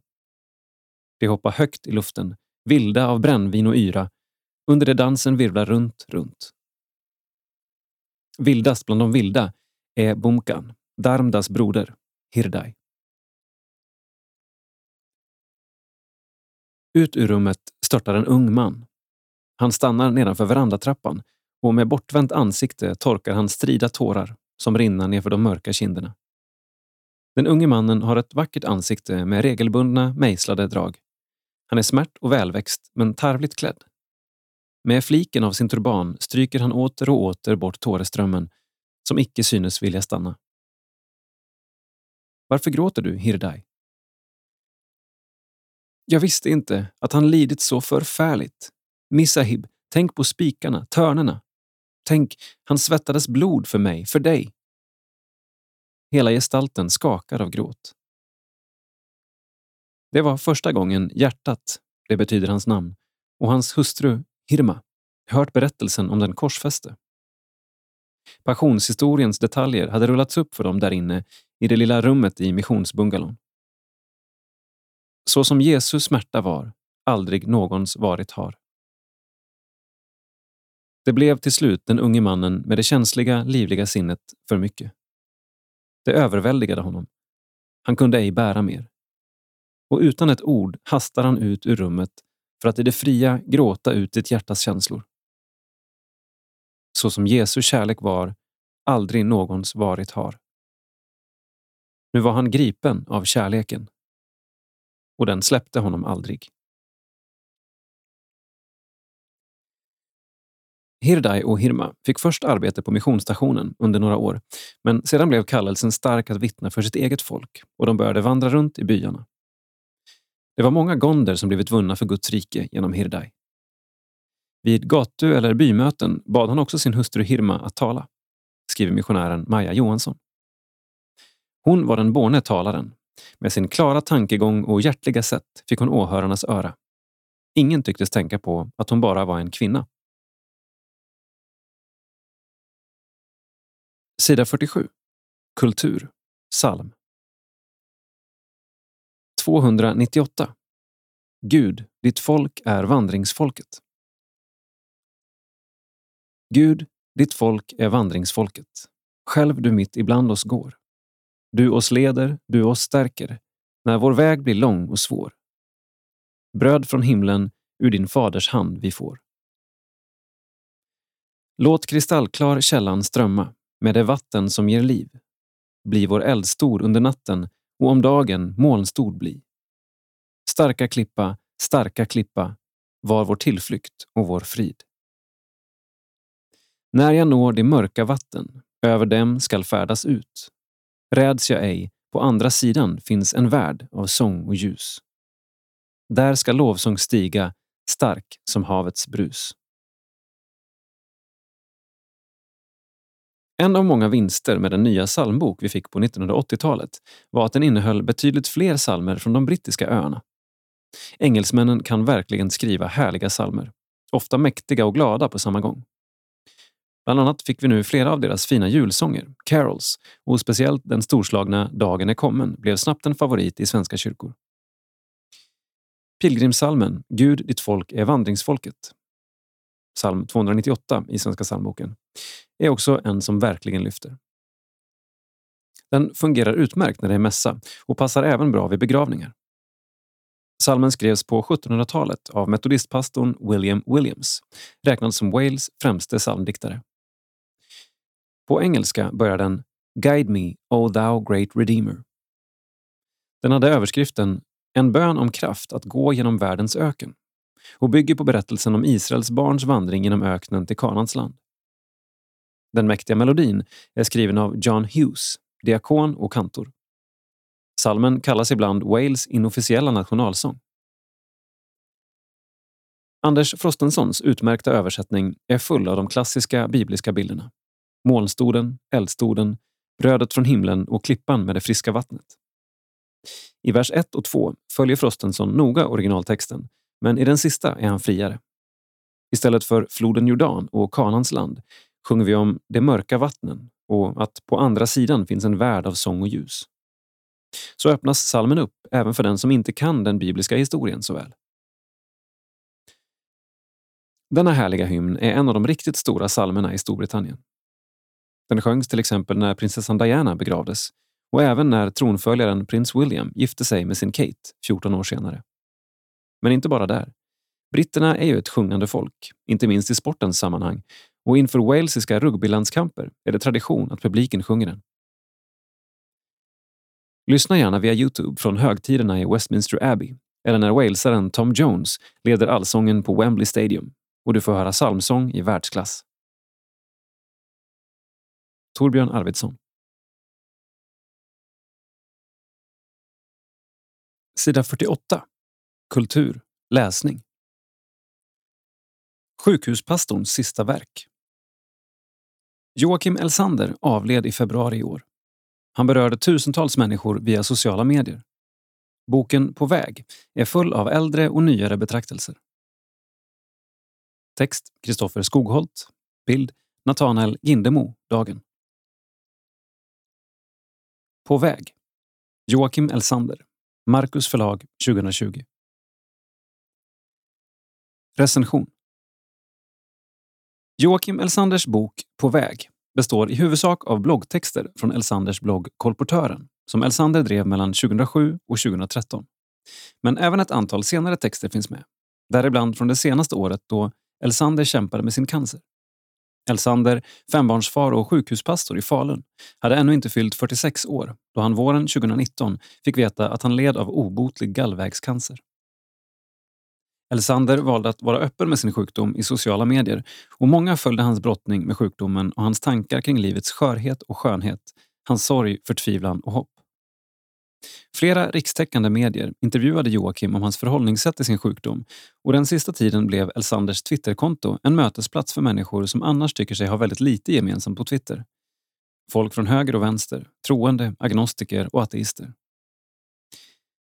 Svenska Dagbladets journalist Kristina Lind kallade Elsanders Twitterflöde för ett slags existentiellt basläger.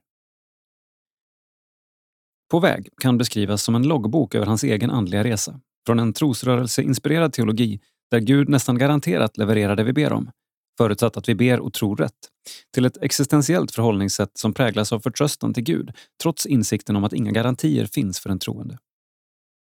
Detta beskriver Elsander först som en chock och sedan som en befrielse. Det hänger inte på att jag tror rätt.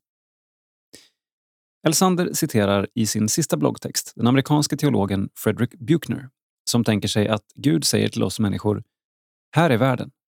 Vackra och fasansfulla saker kommer att hända. Var inte rädd. Den teologi som kommer fram i dessa texter är en jordnära och konkret teologi. Kontrastpunkten är en religiös eskapism som kan förekomma i olika teologiska traditioner. Karismatiska, sakramentala och intellektuella. I de högkarismatiska sammanhangen är Gud bara på de stora konferenserna eller i de spektakulära uttrycken i de sakramentala sammanhangen kan man riskera att isolera Gud till gudstjänstens liturgi och i ytterligare andra sammanhang blir Gud en abstrakt tankekonstruktion. För Elsander är Guds rike det centrala i Jesu undervisning och Guds rike kommer först och främst till uttryck i det konkreta, i min vardag och i mina nära relationer. Det är där vi börjar, inte i det spektakulära eller abstrakta. Det här är en bok som passar bra under fastan. Att läsa en eller två texter per dag gör att den kommer till sin rätt. Jag hoppas också att den kan leda till samtal om det som är Elsanders underliggande fråga. Hur formar vi miljöer där människor kan fördjupas och växa i tron utan att bli trångsynta eller förneka livets komplexitet?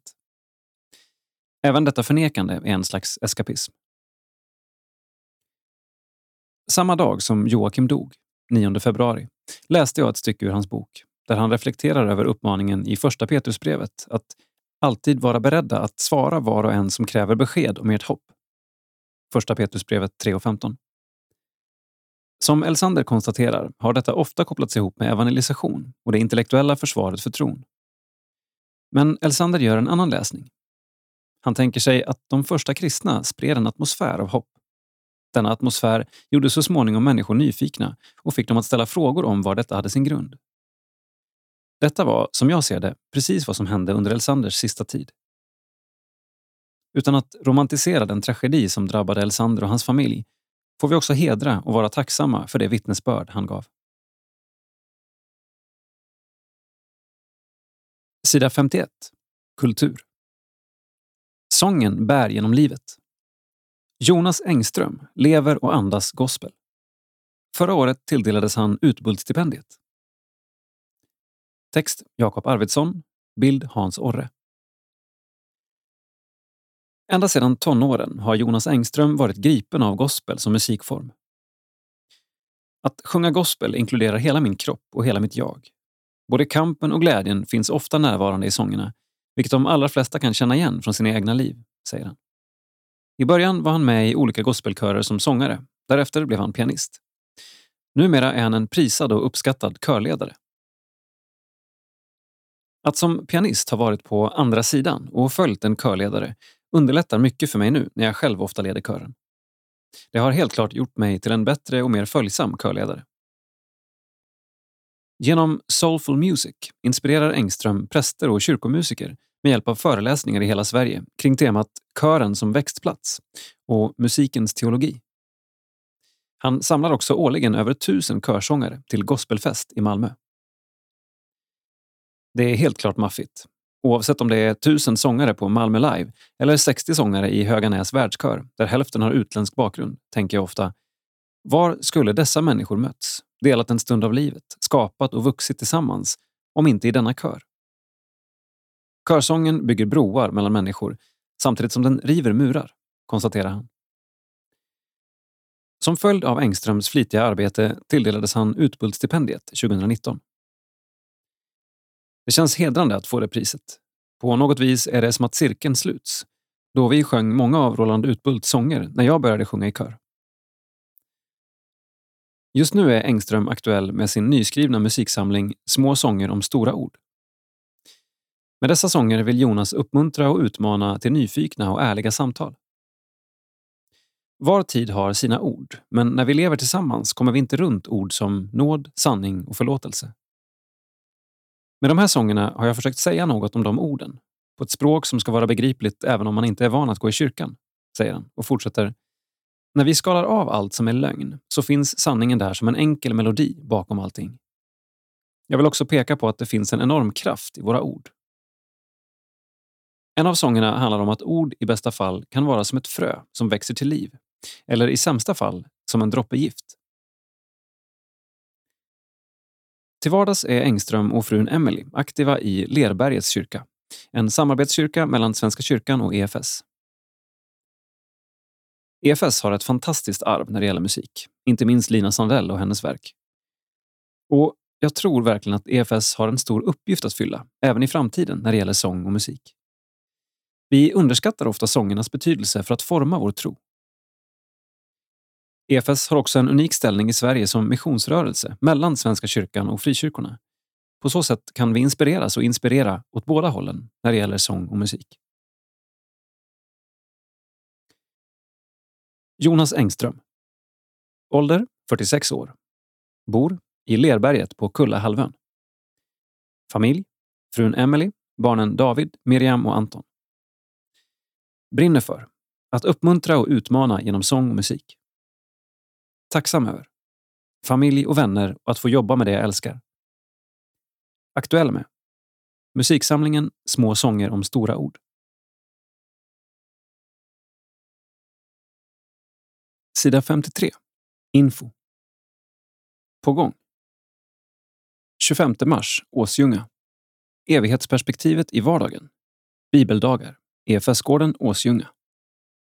28 mars, Umeå. Jesus till barnen, Ekumenisk barnledardag, Korskyrkan bland annat. 9 till 12 april, Dals-Ed. Påskläger för födda 00 till 05, Lutagård. 9 till 13 april, Hemavan. Tillsammansläger 1, Klippen. 13 till 17 april, Hemavan. Tillsammansläger 2, Klippen.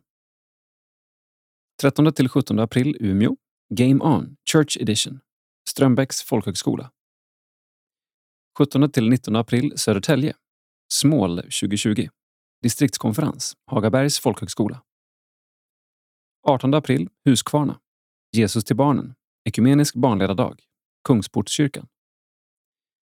18 april Linköping. Jesus till barnen. Ekumenisk barnledardag i Ryttargårdskyrkan. Och 25 april i Stockholm. Jesus till barnen. Ekumenisk barnledardag i Folkungakyrkan. För mer information, se respektive regions hemsida. ser vi en bild på en kvinna som sitter i något som ser ut som en trädkoja. Med texten Vi har det så bra. Jag läser om Greta Ulin, en av de första EFS-missionärerna i Tanzania. Hon kom 1939 och arbetade som sjuksköterska i Ilula i 25 år. Det ligger här i närheten. Så mycket som var annorlunda för pionjärerna. Bland annat behandlade hon en åsna för att bryta isen så att människor vågade söka vård. Vi njuter av mullbär från trädgården och vackra blommor. Från Instagramkontot Hasselbergs i Tanzania. Sedan ser vi en bild på Erik Johansson och Kerstin Oderhem på en flygplats med texten På väg hem från en fin och intensiv vecka i Indien tillsammans med missionsföreståndaren Kerstin Oderhem. Här mellanlandning i Doha, Qatar. Tacksam över att få höra till sammanhang där människor kommer till tro och Kristi rike växer. Hashtag EFS mission. Från Instagramkontot Prast-Erik. Johannelunds bibelskola fyller 50 år. Firandet sker med tidigare elever och lärare. Hösten 1970 startade Johannelunds teologiska högskola sin bibelskola, som sedan dess varit en viktig komponent i livet för de hundratals elever som hunnit passera. 50-årsfirandet kommer att ske primärt under helgen den 7-8 november. Nu under våren påbörjas arbetet med att bjuda in tidigare elever och lärare. Det är en viss utmaning att få tag i alla kontaktuppgifter, men vi försöker söka upp så många som möjligt. Vi vill skapa ett tillfälle där vi får fira vad Gud har gjort i våra liv efter bibelskolan och få dela det tillsammans, samt dela minnen från tiden på bibelskolan. Säger den nuvarande föreståndaren Gunilla Bäcks. Information om årsmötet. I september 2019 fattade EFS styrelse ett inriktningsbeslut att prova att digitalisera vissa delar av årsmötet 2020. En arbetsgrupp på EFS kansli arbetar nu för att verkställa beslutet om digitalisering. Mer information kommer att publiceras på efs.nu, i budbäraren samt genom utskick till regioner, distrikt och ombud. Ombudshandlingar finns tillgängliga för nedladdning eller utskrift på konferens.efs.nu från och med 1 maj. De som vill få ombudshandlingar hemskickade per post i mitten av maj kan ringa 018-430 25 00, uppge namn och adress eller skicka namn och adress via e-post till margareta.forsberg efs.nu. Konferensanmälan görs på konferens.efs.nu och betalas direkt med kort. Observera att anmälan är öppen till den 10 maj. Gåvoresultat februari. Insamlat 1,7 miljoner kronor. Budget 1,7 miljoner kronor. Det preliminära insamlingsresultatet för februari var 1,7 miljoner kronor i linje med budgeterat för perioden. Hittills i år har EFS samlat in 3,9 miljoner kronor, vilket innebär att i skrivande stund är årets insamling 150 000 kronor över budget. Insamlat 3,9 miljoner kronor. Mål 2020 33,3 miljoner kronor. Sida 56. Årskonferens. En årskonferens för alla generationer. Under temat Nu gör jag något nytt. Det spirar redan. Märker ni det inte? Samlas EFS och SAL till årskonferens i Jönköping 22-24 maj 2020. Text Jakob Arvidsson. Bild Hope for this nation. Årskonferensen närmar sig med stormsteg och projektledaren Benner Lövenham är i full gång med förberedelserna. I början var det intensivt, men nu känns det som att vi har koll på läget. Det är ett underbart gäng jag har att göra med. Alla är så positiva och professionella. Jag gillar verkligen temat också. Det ligger en väckelseton över det hela. Vi får hjälpas åt att se och lägga märke till vad Gud gör i vår tid. Vad som spirar och växer i vårt land, säger han. Nytt för i år är att SALT, barn och unga i EFS, är åter som medarrangör. Ett särskilt mål med årets konferens är att minst 100 ungdomar ska komma till Jönköping. För mig är detta den stora glädjen i det hela, att vi gör det tillsammans igen. Vi har ett väldigt gediget och fint program för våra ungdomar och vi hoppas verkligen nå vår målsättning. Som en del i att nå målet har anmälningsavgiften för ungdomar sänkts. Det kommer även skickas ut ett brev till alla EFS-föreningar där de uppmanas att sponsra sina ungdomars resor till konferensen. Vi hoppas att föreningarna hakar på detta. Våra ungdomar är väldigt viktiga här och nu och även vår framtid. Det vore fantastiskt att få mötas över alla generationer. Barnens konferens kommer att ha ett tema som är kopplat till Kings Kids. Ett koncept som bygger mycket på sång, dans och att barnen själva får vara med och dela Guds ord. Det är verkligen ett härligt koncept som jag hoppas att många kan inspireras av och ta med sig hem till sina olika sammanhang, säger Benner, som också vill hylla alla lokala förmågor. Inte minst platschefen Barbro Davidsson som håller i allt lokalt arbete. Det finns ett helt otroligt engagemang. Alltså. Det är tuffa uppgifter, exempelvis konferensbyrån, som folk tar tag i på ett fantastiskt sätt. Jag är både tacksam och imponerad. Lovsången kommer att ledas av Hope for this Nation, en ekumenisk tillbedjansrörelse som jobbar utåtriktat över samfundsgränserna med bland annat gatuevangelisation. Vi längtar efter att få komma inför Guds ansikte tillsammans. Vi är tacksamma och hedrade över förtroendet att finnas med i lovsången. Vi vill rikta våra liv till Gud och för honom är allt möjligt. Säger Sanna Välipakka, ansvarig ledare för Hope for this Nation tillsammans med Cornelia Forsberg. Vi upplever en stor förväntan inför konferensen och tror att detta kommer att få vara en helg då många vittnar om förvandlade möten med Gud. Jag hoppas att vi alla blir utrustade och sända ut i livet tillsammans med den helige Ande, säger Cornelia. EFS och SALTs årskonferens. När? 22 till 24 maj 2020. Var? Jönköping. Varför? För att tillsammans mötas under konferensens tema och upptäcka vad som spirar och växer i våra sammanhang. För vem? Alla. Barn och ungdomar har delvis egna program. Till EFS och SALTs årsmöten är medlemmar välkomna. Läs mer och anmäl dig på konferens.efs.nu.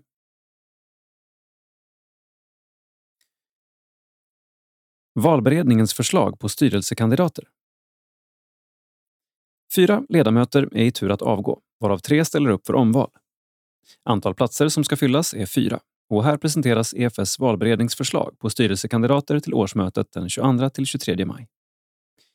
Vi bad kandidaterna presentera sig kort och ställde följande frågor. 1. Vad har du för bakgrund och erfarenhet?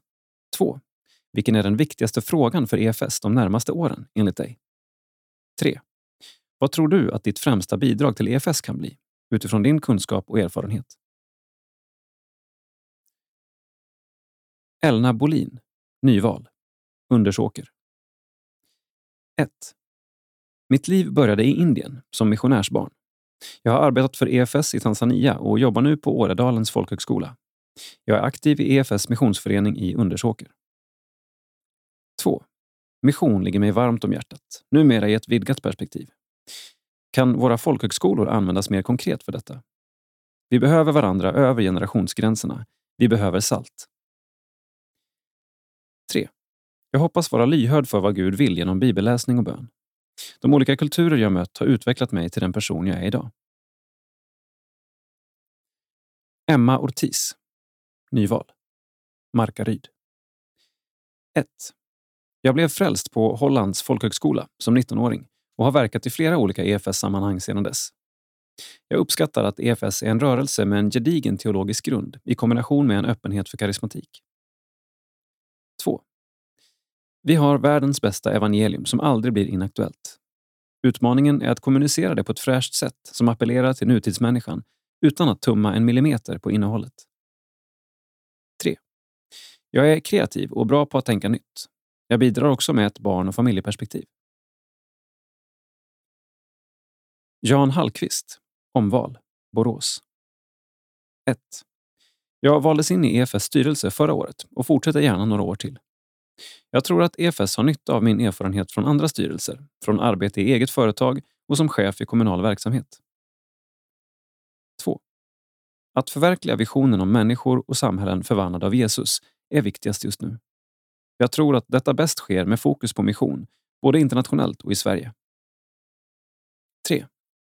Jag har arbetat en hel del med förändringsarbete. Jag gillar att gå från nuläge till önskat läge. Mitt önskeläge är ett växande EFS och det handlar då både om att bli fler lärjungar och att växa i tro. Thomas Andersson, omval, Lerberget. 1. Jag är ekonom, tidigare missionär i Etiopien och ekonomichef för EFS och numera ekonomichef i Helsingborgs pastorat. Jag har varit ledamot i EFS styrelse under sex år där jag suttit i presidiet och i internationella rådet. 2. EFS fyller en mycket viktig roll inom den svenska kristenheten och har som inomkyrklig rörelse en unik ingång att vara med och påverka Sveriges största trossamfund. Internationellt är vi fortsatt en viktig och uppskattad partner i många sammanhang. Detta internationella missionsarbete är en central uppgift för EFS på central nivå. 3. Ekonomi, organisatoriska och strukturella frågor, strategi samt kunskap om EFS internationella arbete är de områden jag mest kan bidra inom. Roger Wikström, omval, Skellefteå. 1. Jag sitter sedan tre år tillbaka i EFS styrelse och är engagerad i Skellefteå EFS, främst med utåtriktade, lågtrösklade gudstjänster vi kallar i centrum. Jag arbetar som strateg och copywriter på en kommunikationsbyrå. I slutet på 90-talet jobbade jag också som kommunikatör på South African Council of Churches i Johannesburg. 2. Integration ur flera aspekter. Ska vi lyckas med visionen bör vi bli mer relevanta i samhället. Våra sammanhang måste integrera nya och gamla svenskar bättre än samhället i stort. Och vi ska fortsätta vår integration inom Svenska kyrkan. 3. Det kommunikativa perspektivet. Alltså hur det vi gör och beslutar ska uppfattas på bästa sätt. Jan-Erik Viktor, Nyval, Vaggeryd. 1. Jag växte upp i rörelsen och stod under ungdomsåren tillsammans med andra på barrikaderna för en starkare ungdomsrörelse i EFS. Innehaft tjänst som musikkonsulent och ledamot i EFS musikutskott. Är idag med i EFS missionsförening i Dalvikskyrkan i Jönköping. 2. EFS behövs i rollen som en fri och samlande väckelserörelse, precis som vid rörelsens grundande. Behoven och möjligheterna är också växande som missionsrörelse i Svenska kyrkan. EFS uppdrag är att skapa levande mötesplatser och stödja medlemmarna som kolportörer. Mina erfarenheter som musikkonsulent, lärare, stiftskonsulent med skol-, informations och konferensfrågor samt kulturskolchef med många kontakter in i svenskt kulturliv. Ytterligare nominering. Nomineringar utöver valberedningens förslag måste ske senast tisdagen den 12 maj via föreslagen årsmötessekreterare Victoria Vasquez. victoria.vasquez efs.nu 018 430 25 15. Förslag välkomnas redan nu. Kriterier för vem som är valbar till EFS styrelse finns bland informationen på konferens.efs.nu under årsmöte styrelseval. Presentation av styrelsekandidater kommer att finnas tillsammans med övriga årsmöteshandlingar på konferens.efs.nu. Sida 60. Region Sydöstsverige. Sankt George har hittat sitt hem. Allt började med att det ringde på dörren. Nu känner sig församlingen St. George som en självklar del av Söderledskyrkan. Text Fredrik Weflö. Strax innan jul 2016 ringde det på dörren till Söderledskyrkan i Norrköping. Diakonen Anna-Karin Östling öppnade. Fader Abuna Isa Salebi och hans tolk kom för att fråga är det möjligt för oss att fira gudstjänst här? Det var inledningen till att församlingen St. George firar gudstjänst i Söderledskyrkan. St. George är en grekisk-ortodox församling där medlemmarna kommer från Syrien. År 2014 till 2015 var det många familjer som kom till Norrköping och i trakten runt omkring. Vi hade som många andra tappat hoppet om fred i Syrien efter krigsutbrottet 2011. Vi övervägde om vi skulle söka asyl i Tyskland eller i Sverige. Men vi hade hört mycket gott om Sverige, speciellt för barnens framtid, berättar Abuna Isa allvarsamt. Hans familj består idag av frun Serva och barnen Madeleine, 14 år, Basil, 12, Anna, 8 och Maria, 3.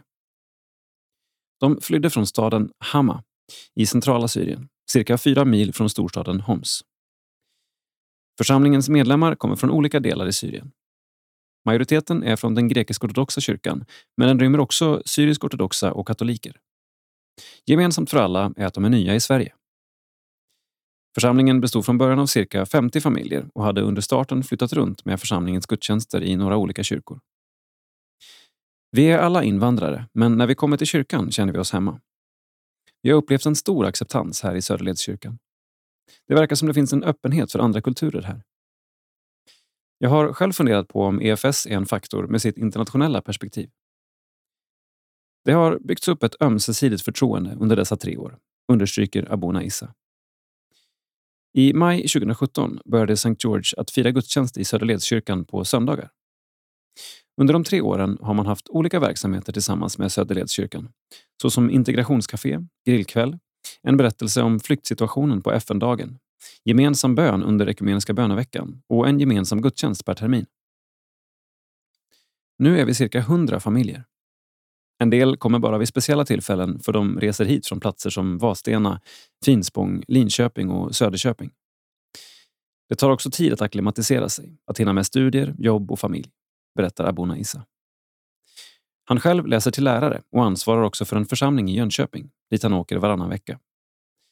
Han har också på denna korta tid förstått utmaningarna som finns i en ny kultur.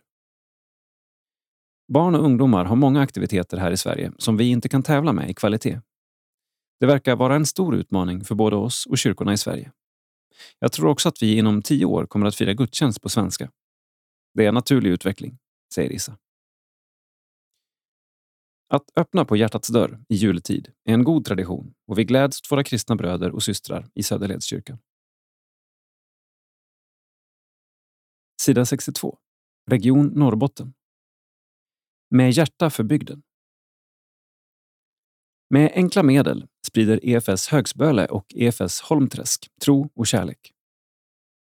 Text och bild Monica Arndt. Högsböle är en lantlig idyll vid Piteälvens utlopp, inte långt ifrån det mer välkända Piteå havsbad. I den långsträckta byn med ett par hundra invånare bor det numera mest nyinflyttade som arbetar i närliggande städer. Här finns Högsböle EFS, en liten förening med fem medlemmar. Bönhuslokalen är en gammal skola och gudstjänst håller man någon gång i månaden högst.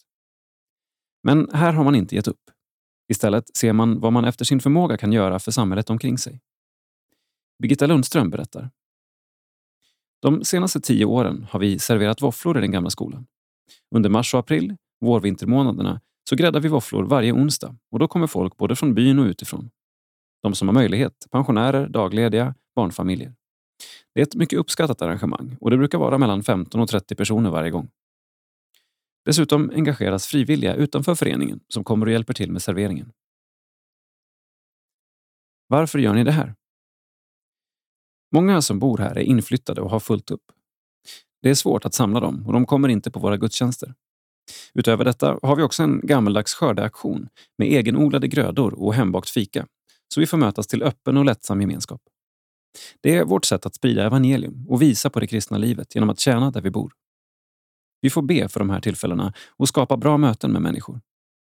Det här är något som känns viktigt och vi vill hålla på så länge vi orkar. Många är ensamma idag och här får de träffas, prata och lära känna varandra, säger Birgitta. Som avslutande ord till alla som inte tror de kan eller har resurser nog vill Birgitta skicka med att våga. Gör det inte så märkvärdigt, bara gör det. Holmträsk är en by i det pärlband som brukar kallas Alterdalen, efter Alterälven som rinner i dess mitt. Det är ett livfullt område där det bor många kreativa personer och entreprenörer. Hit flyttade Anna-Maj Häggbom och maken Torgny 1973 och fann snart goda vänner i ett annat nyinflyttat par i grannbyn. Tillsammans engagerade de sig i EFS-föreningen och har under åren varit med om att både starta upp och lägga ner aktiviteter för att nå människorna omkring dem. Förutom gudstjänst en gång i månaden har EFS Holmträsk en förening med 27 medlemmar, något som kallas Träffas och prata. Anna-Maj berättar att de förut träffades i missionshuset men nu har flyttat träffen till hemmen. Det blir enklare att ses och en mer avslappnad miljö. Och inte minst sänker det tröskeln för många kyrkoovana att vara med. Förutom detta så ordnas några gånger per termin musik och kulturkaféer. Vi försöker att ta tillvara de talanger som finns i Alterdalen. Det finns väldigt duktiga musiker här. Dessutom finns det de som är väldigt skickliga på att måla och sy i lapptäcksteknik. Därför brukar vi också ha konstutställningar. Om utställningen är en lördag brukar vi ha gudstjänst på söndag med alsterna kvar och en anknytande tematik. I övrigt är det enkla gudstjänster med sång och musik där gärna någon ny förmåga får pröva sina vingar. Här ska man inte behöva vara bäst för att vara med. Det ska vara en trygg miljö att våga vara i, säger Anna-Maj och fortsätter. Vi har byggt vår strategi utifrån Tillåtelsens kapell, en sång av Thomas Boström, som sitter uppe i vårt missionshus. Hit ska alla kunna komma in och vara sig själva och känna sig hemma. Vi ser missionshuset som ett växthus. Man kommer med sitt frö av tro och ska känna att man duger, få vattnas och växa i den här miljön. Alla ska bli sedda. Bjud hem folk till dig först, allra helst sådana som är nya på en plats. Bjud sedan med till missionshuset på sådant som är utåtriktat. Det är lite som en hockeymatch. Jag skulle kanske inte våga gå på en arena och se en hockeymatch. Men om jag först hade träffat några grannar som bjöd med mig och som sedan följde med och förklarade reglerna och hur allt funkade runt omkring, då skulle jag få en mycket större behållning av det. Vi vill leva evangelium i vår bygd. Vi är ett gäng som trivs ihop och som tillsammans kommer på saker. Vi hade aldrig orkat det här själva. Det är så viktigt att hitta människor som vill dra åt samma håll. Och att man har roligt tillsammans. För om arbetet blir en börda går det inte. Visst kan det vara mycket arbete, men om det är roligt blir det lönt att våga och satsa. EFS Holmträsks ledord. Bygg relationer. Sök gemenskap. Jobba inte ensam. Sök kontakt med andra sammanhang i ditt område. Vi har till exempel samarbetat med Röda Korset och Idrottsföreningen. Våga lägg ner det som inte funkar. Sätt ingen prestige i aktiviteten i sig. Ha roligt. Sida 64. Nytt i livet. Avlidna. Vår älskade Sonja Olsson, född 4 maj 1937, har i stillhet lämnat oss 16 januari 2020.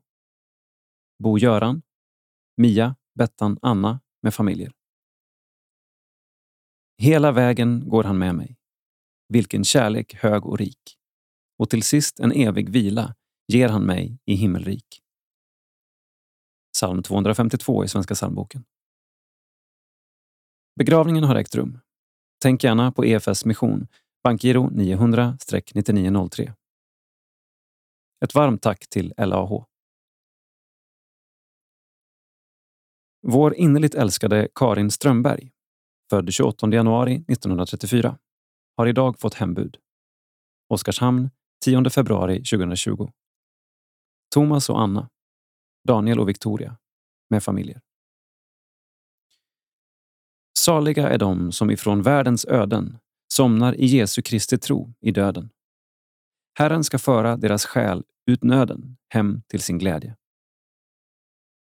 Psalm 306 och 1 i Svenska psalmboken. Begravningen har ägt rum. Vårt varma tack till er alla som visat värme och omtanke och på olika sätt hedrat minnet av vår älskade Stina Forsman. Eskil Osaini, Birgitta och Stefan, Per, Staffan och Karin, Kristina och David, Peter och Maria med familjer. Till minne. Karin Strömberg.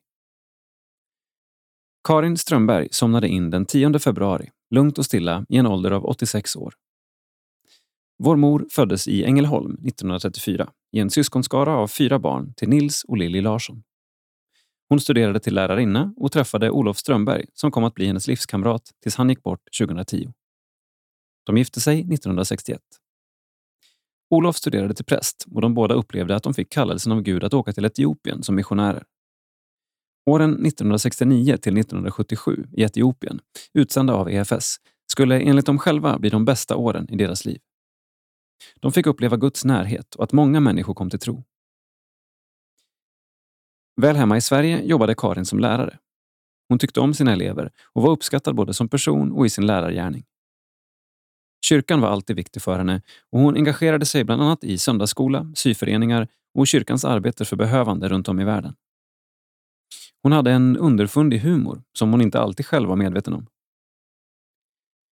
I våra hjärtan finns många fina minnen bevarade av Karin. Daniel och Thomas. Sida 65. Krönika. Vi har alla fått mandat av Herren att vara med och bygga på hans kyrka, skriver Charlotte Nordström. Tillsammans bygger vi Guds rike. Det ringer i telefonen. Jag är 16 år gammal. Det är en från kyrkan som ringer och jag hinner tänka, vad vill han lilla mig? Han undrar om jag vill sitta med i föreningens styrelse. Och jag hinner återigen tänka, vad vill de med mig? Jag kan inte sånt där. Han fortsätter och säger att styrelsen gärna vill lyssna på ungdomarnas röster och att de därför vill ha med en ung person som kan föra ungdomarnas talan i församlingen. Kanske dumt kan man tycka att fråga en så pass ung person om ett så pass svårt arbete. Men för mig var det en stor händelse i livet, när jag fick bli sedd och använd. Jag fick möjlighet att växa både i mitt ledarskap och lärjungaskap. Det blev som ett slags avstamp till där jag är i livet nu. Jag var nog inte den mest lämpade personen, som hade mest kunskap eller den som bidrog mest. Men det var en viktig del i mitt upplärande, som jag använt mig mycket av när jag senare i livet suttit i styrelser eller utfört liknande arbeten. Församlingen jag växte upp i hjälpte oss ungdomar att växa. Vi fick vara mötesledare, planera gudstjänster, leda söndagsskola och mycket mer. Och så här i efterhand märker jag hur tacksam jag är för det och vad det gjort i mitt liv. Att få bli bemyndigad och inte klappad på huvudet som den lilla flickan. Vi fick faktiskt mandat att vara med och bygga Guds rike. Självklart var det inte alltid toppen och visst gjorde vi misstag. Det fanns nog personer i församlingen som kunde göra saker bättre än vad vi kunde. Men vi fick vara med ändå. Fick lära oss, fick växa, fick bli bättre. Jag tänker ofta på Jesus och hans lärjungar, både i Bibeln och senare i historien. Inte tror jag att de alltid var så bra, att de gjorde saker på det bästa sättet. Nog var Jesus bättre på att berätta evangeliet än vad de var. Bättre på att leda, bättre på att älska. Men han valde att låta lärjungarna vara med och inte bara se på. De fick lära sig, de fick växa och de fick bli bättre. Jag är övertygad om att Jesus själv hade varit den bästa på att bygga sin kyrka, men han valde att ge det uppdraget till människan. Kanske dumt, kan man tycka, att ge ett så pass stort och svårt uppdrag till en liten människa. Men vilken stor händelse i människans liv att hon fick bli använd av Herren, bli bemyndigad att få vara med och bygga Guds rike. Hon får inte vara med för att hon är den bästa på det, men för att det är en viktig del i hennes lärjungaskap, oavsett ålder och erfarenhet. Vi har alla fått mandat av Herren själv att vara med och bygga på hans kyrka, så låt oss hjälpa varandra, bemyndiga varandra i att vi alla får vara en del i Guds rikets byggande i vårt land. Låt ingen se ner på dig för att du är ung. Första Timoteusbrevet 4 och 12. Charlotte Nordström, projektkoordinator SALT. Tack för att du har lyssnat.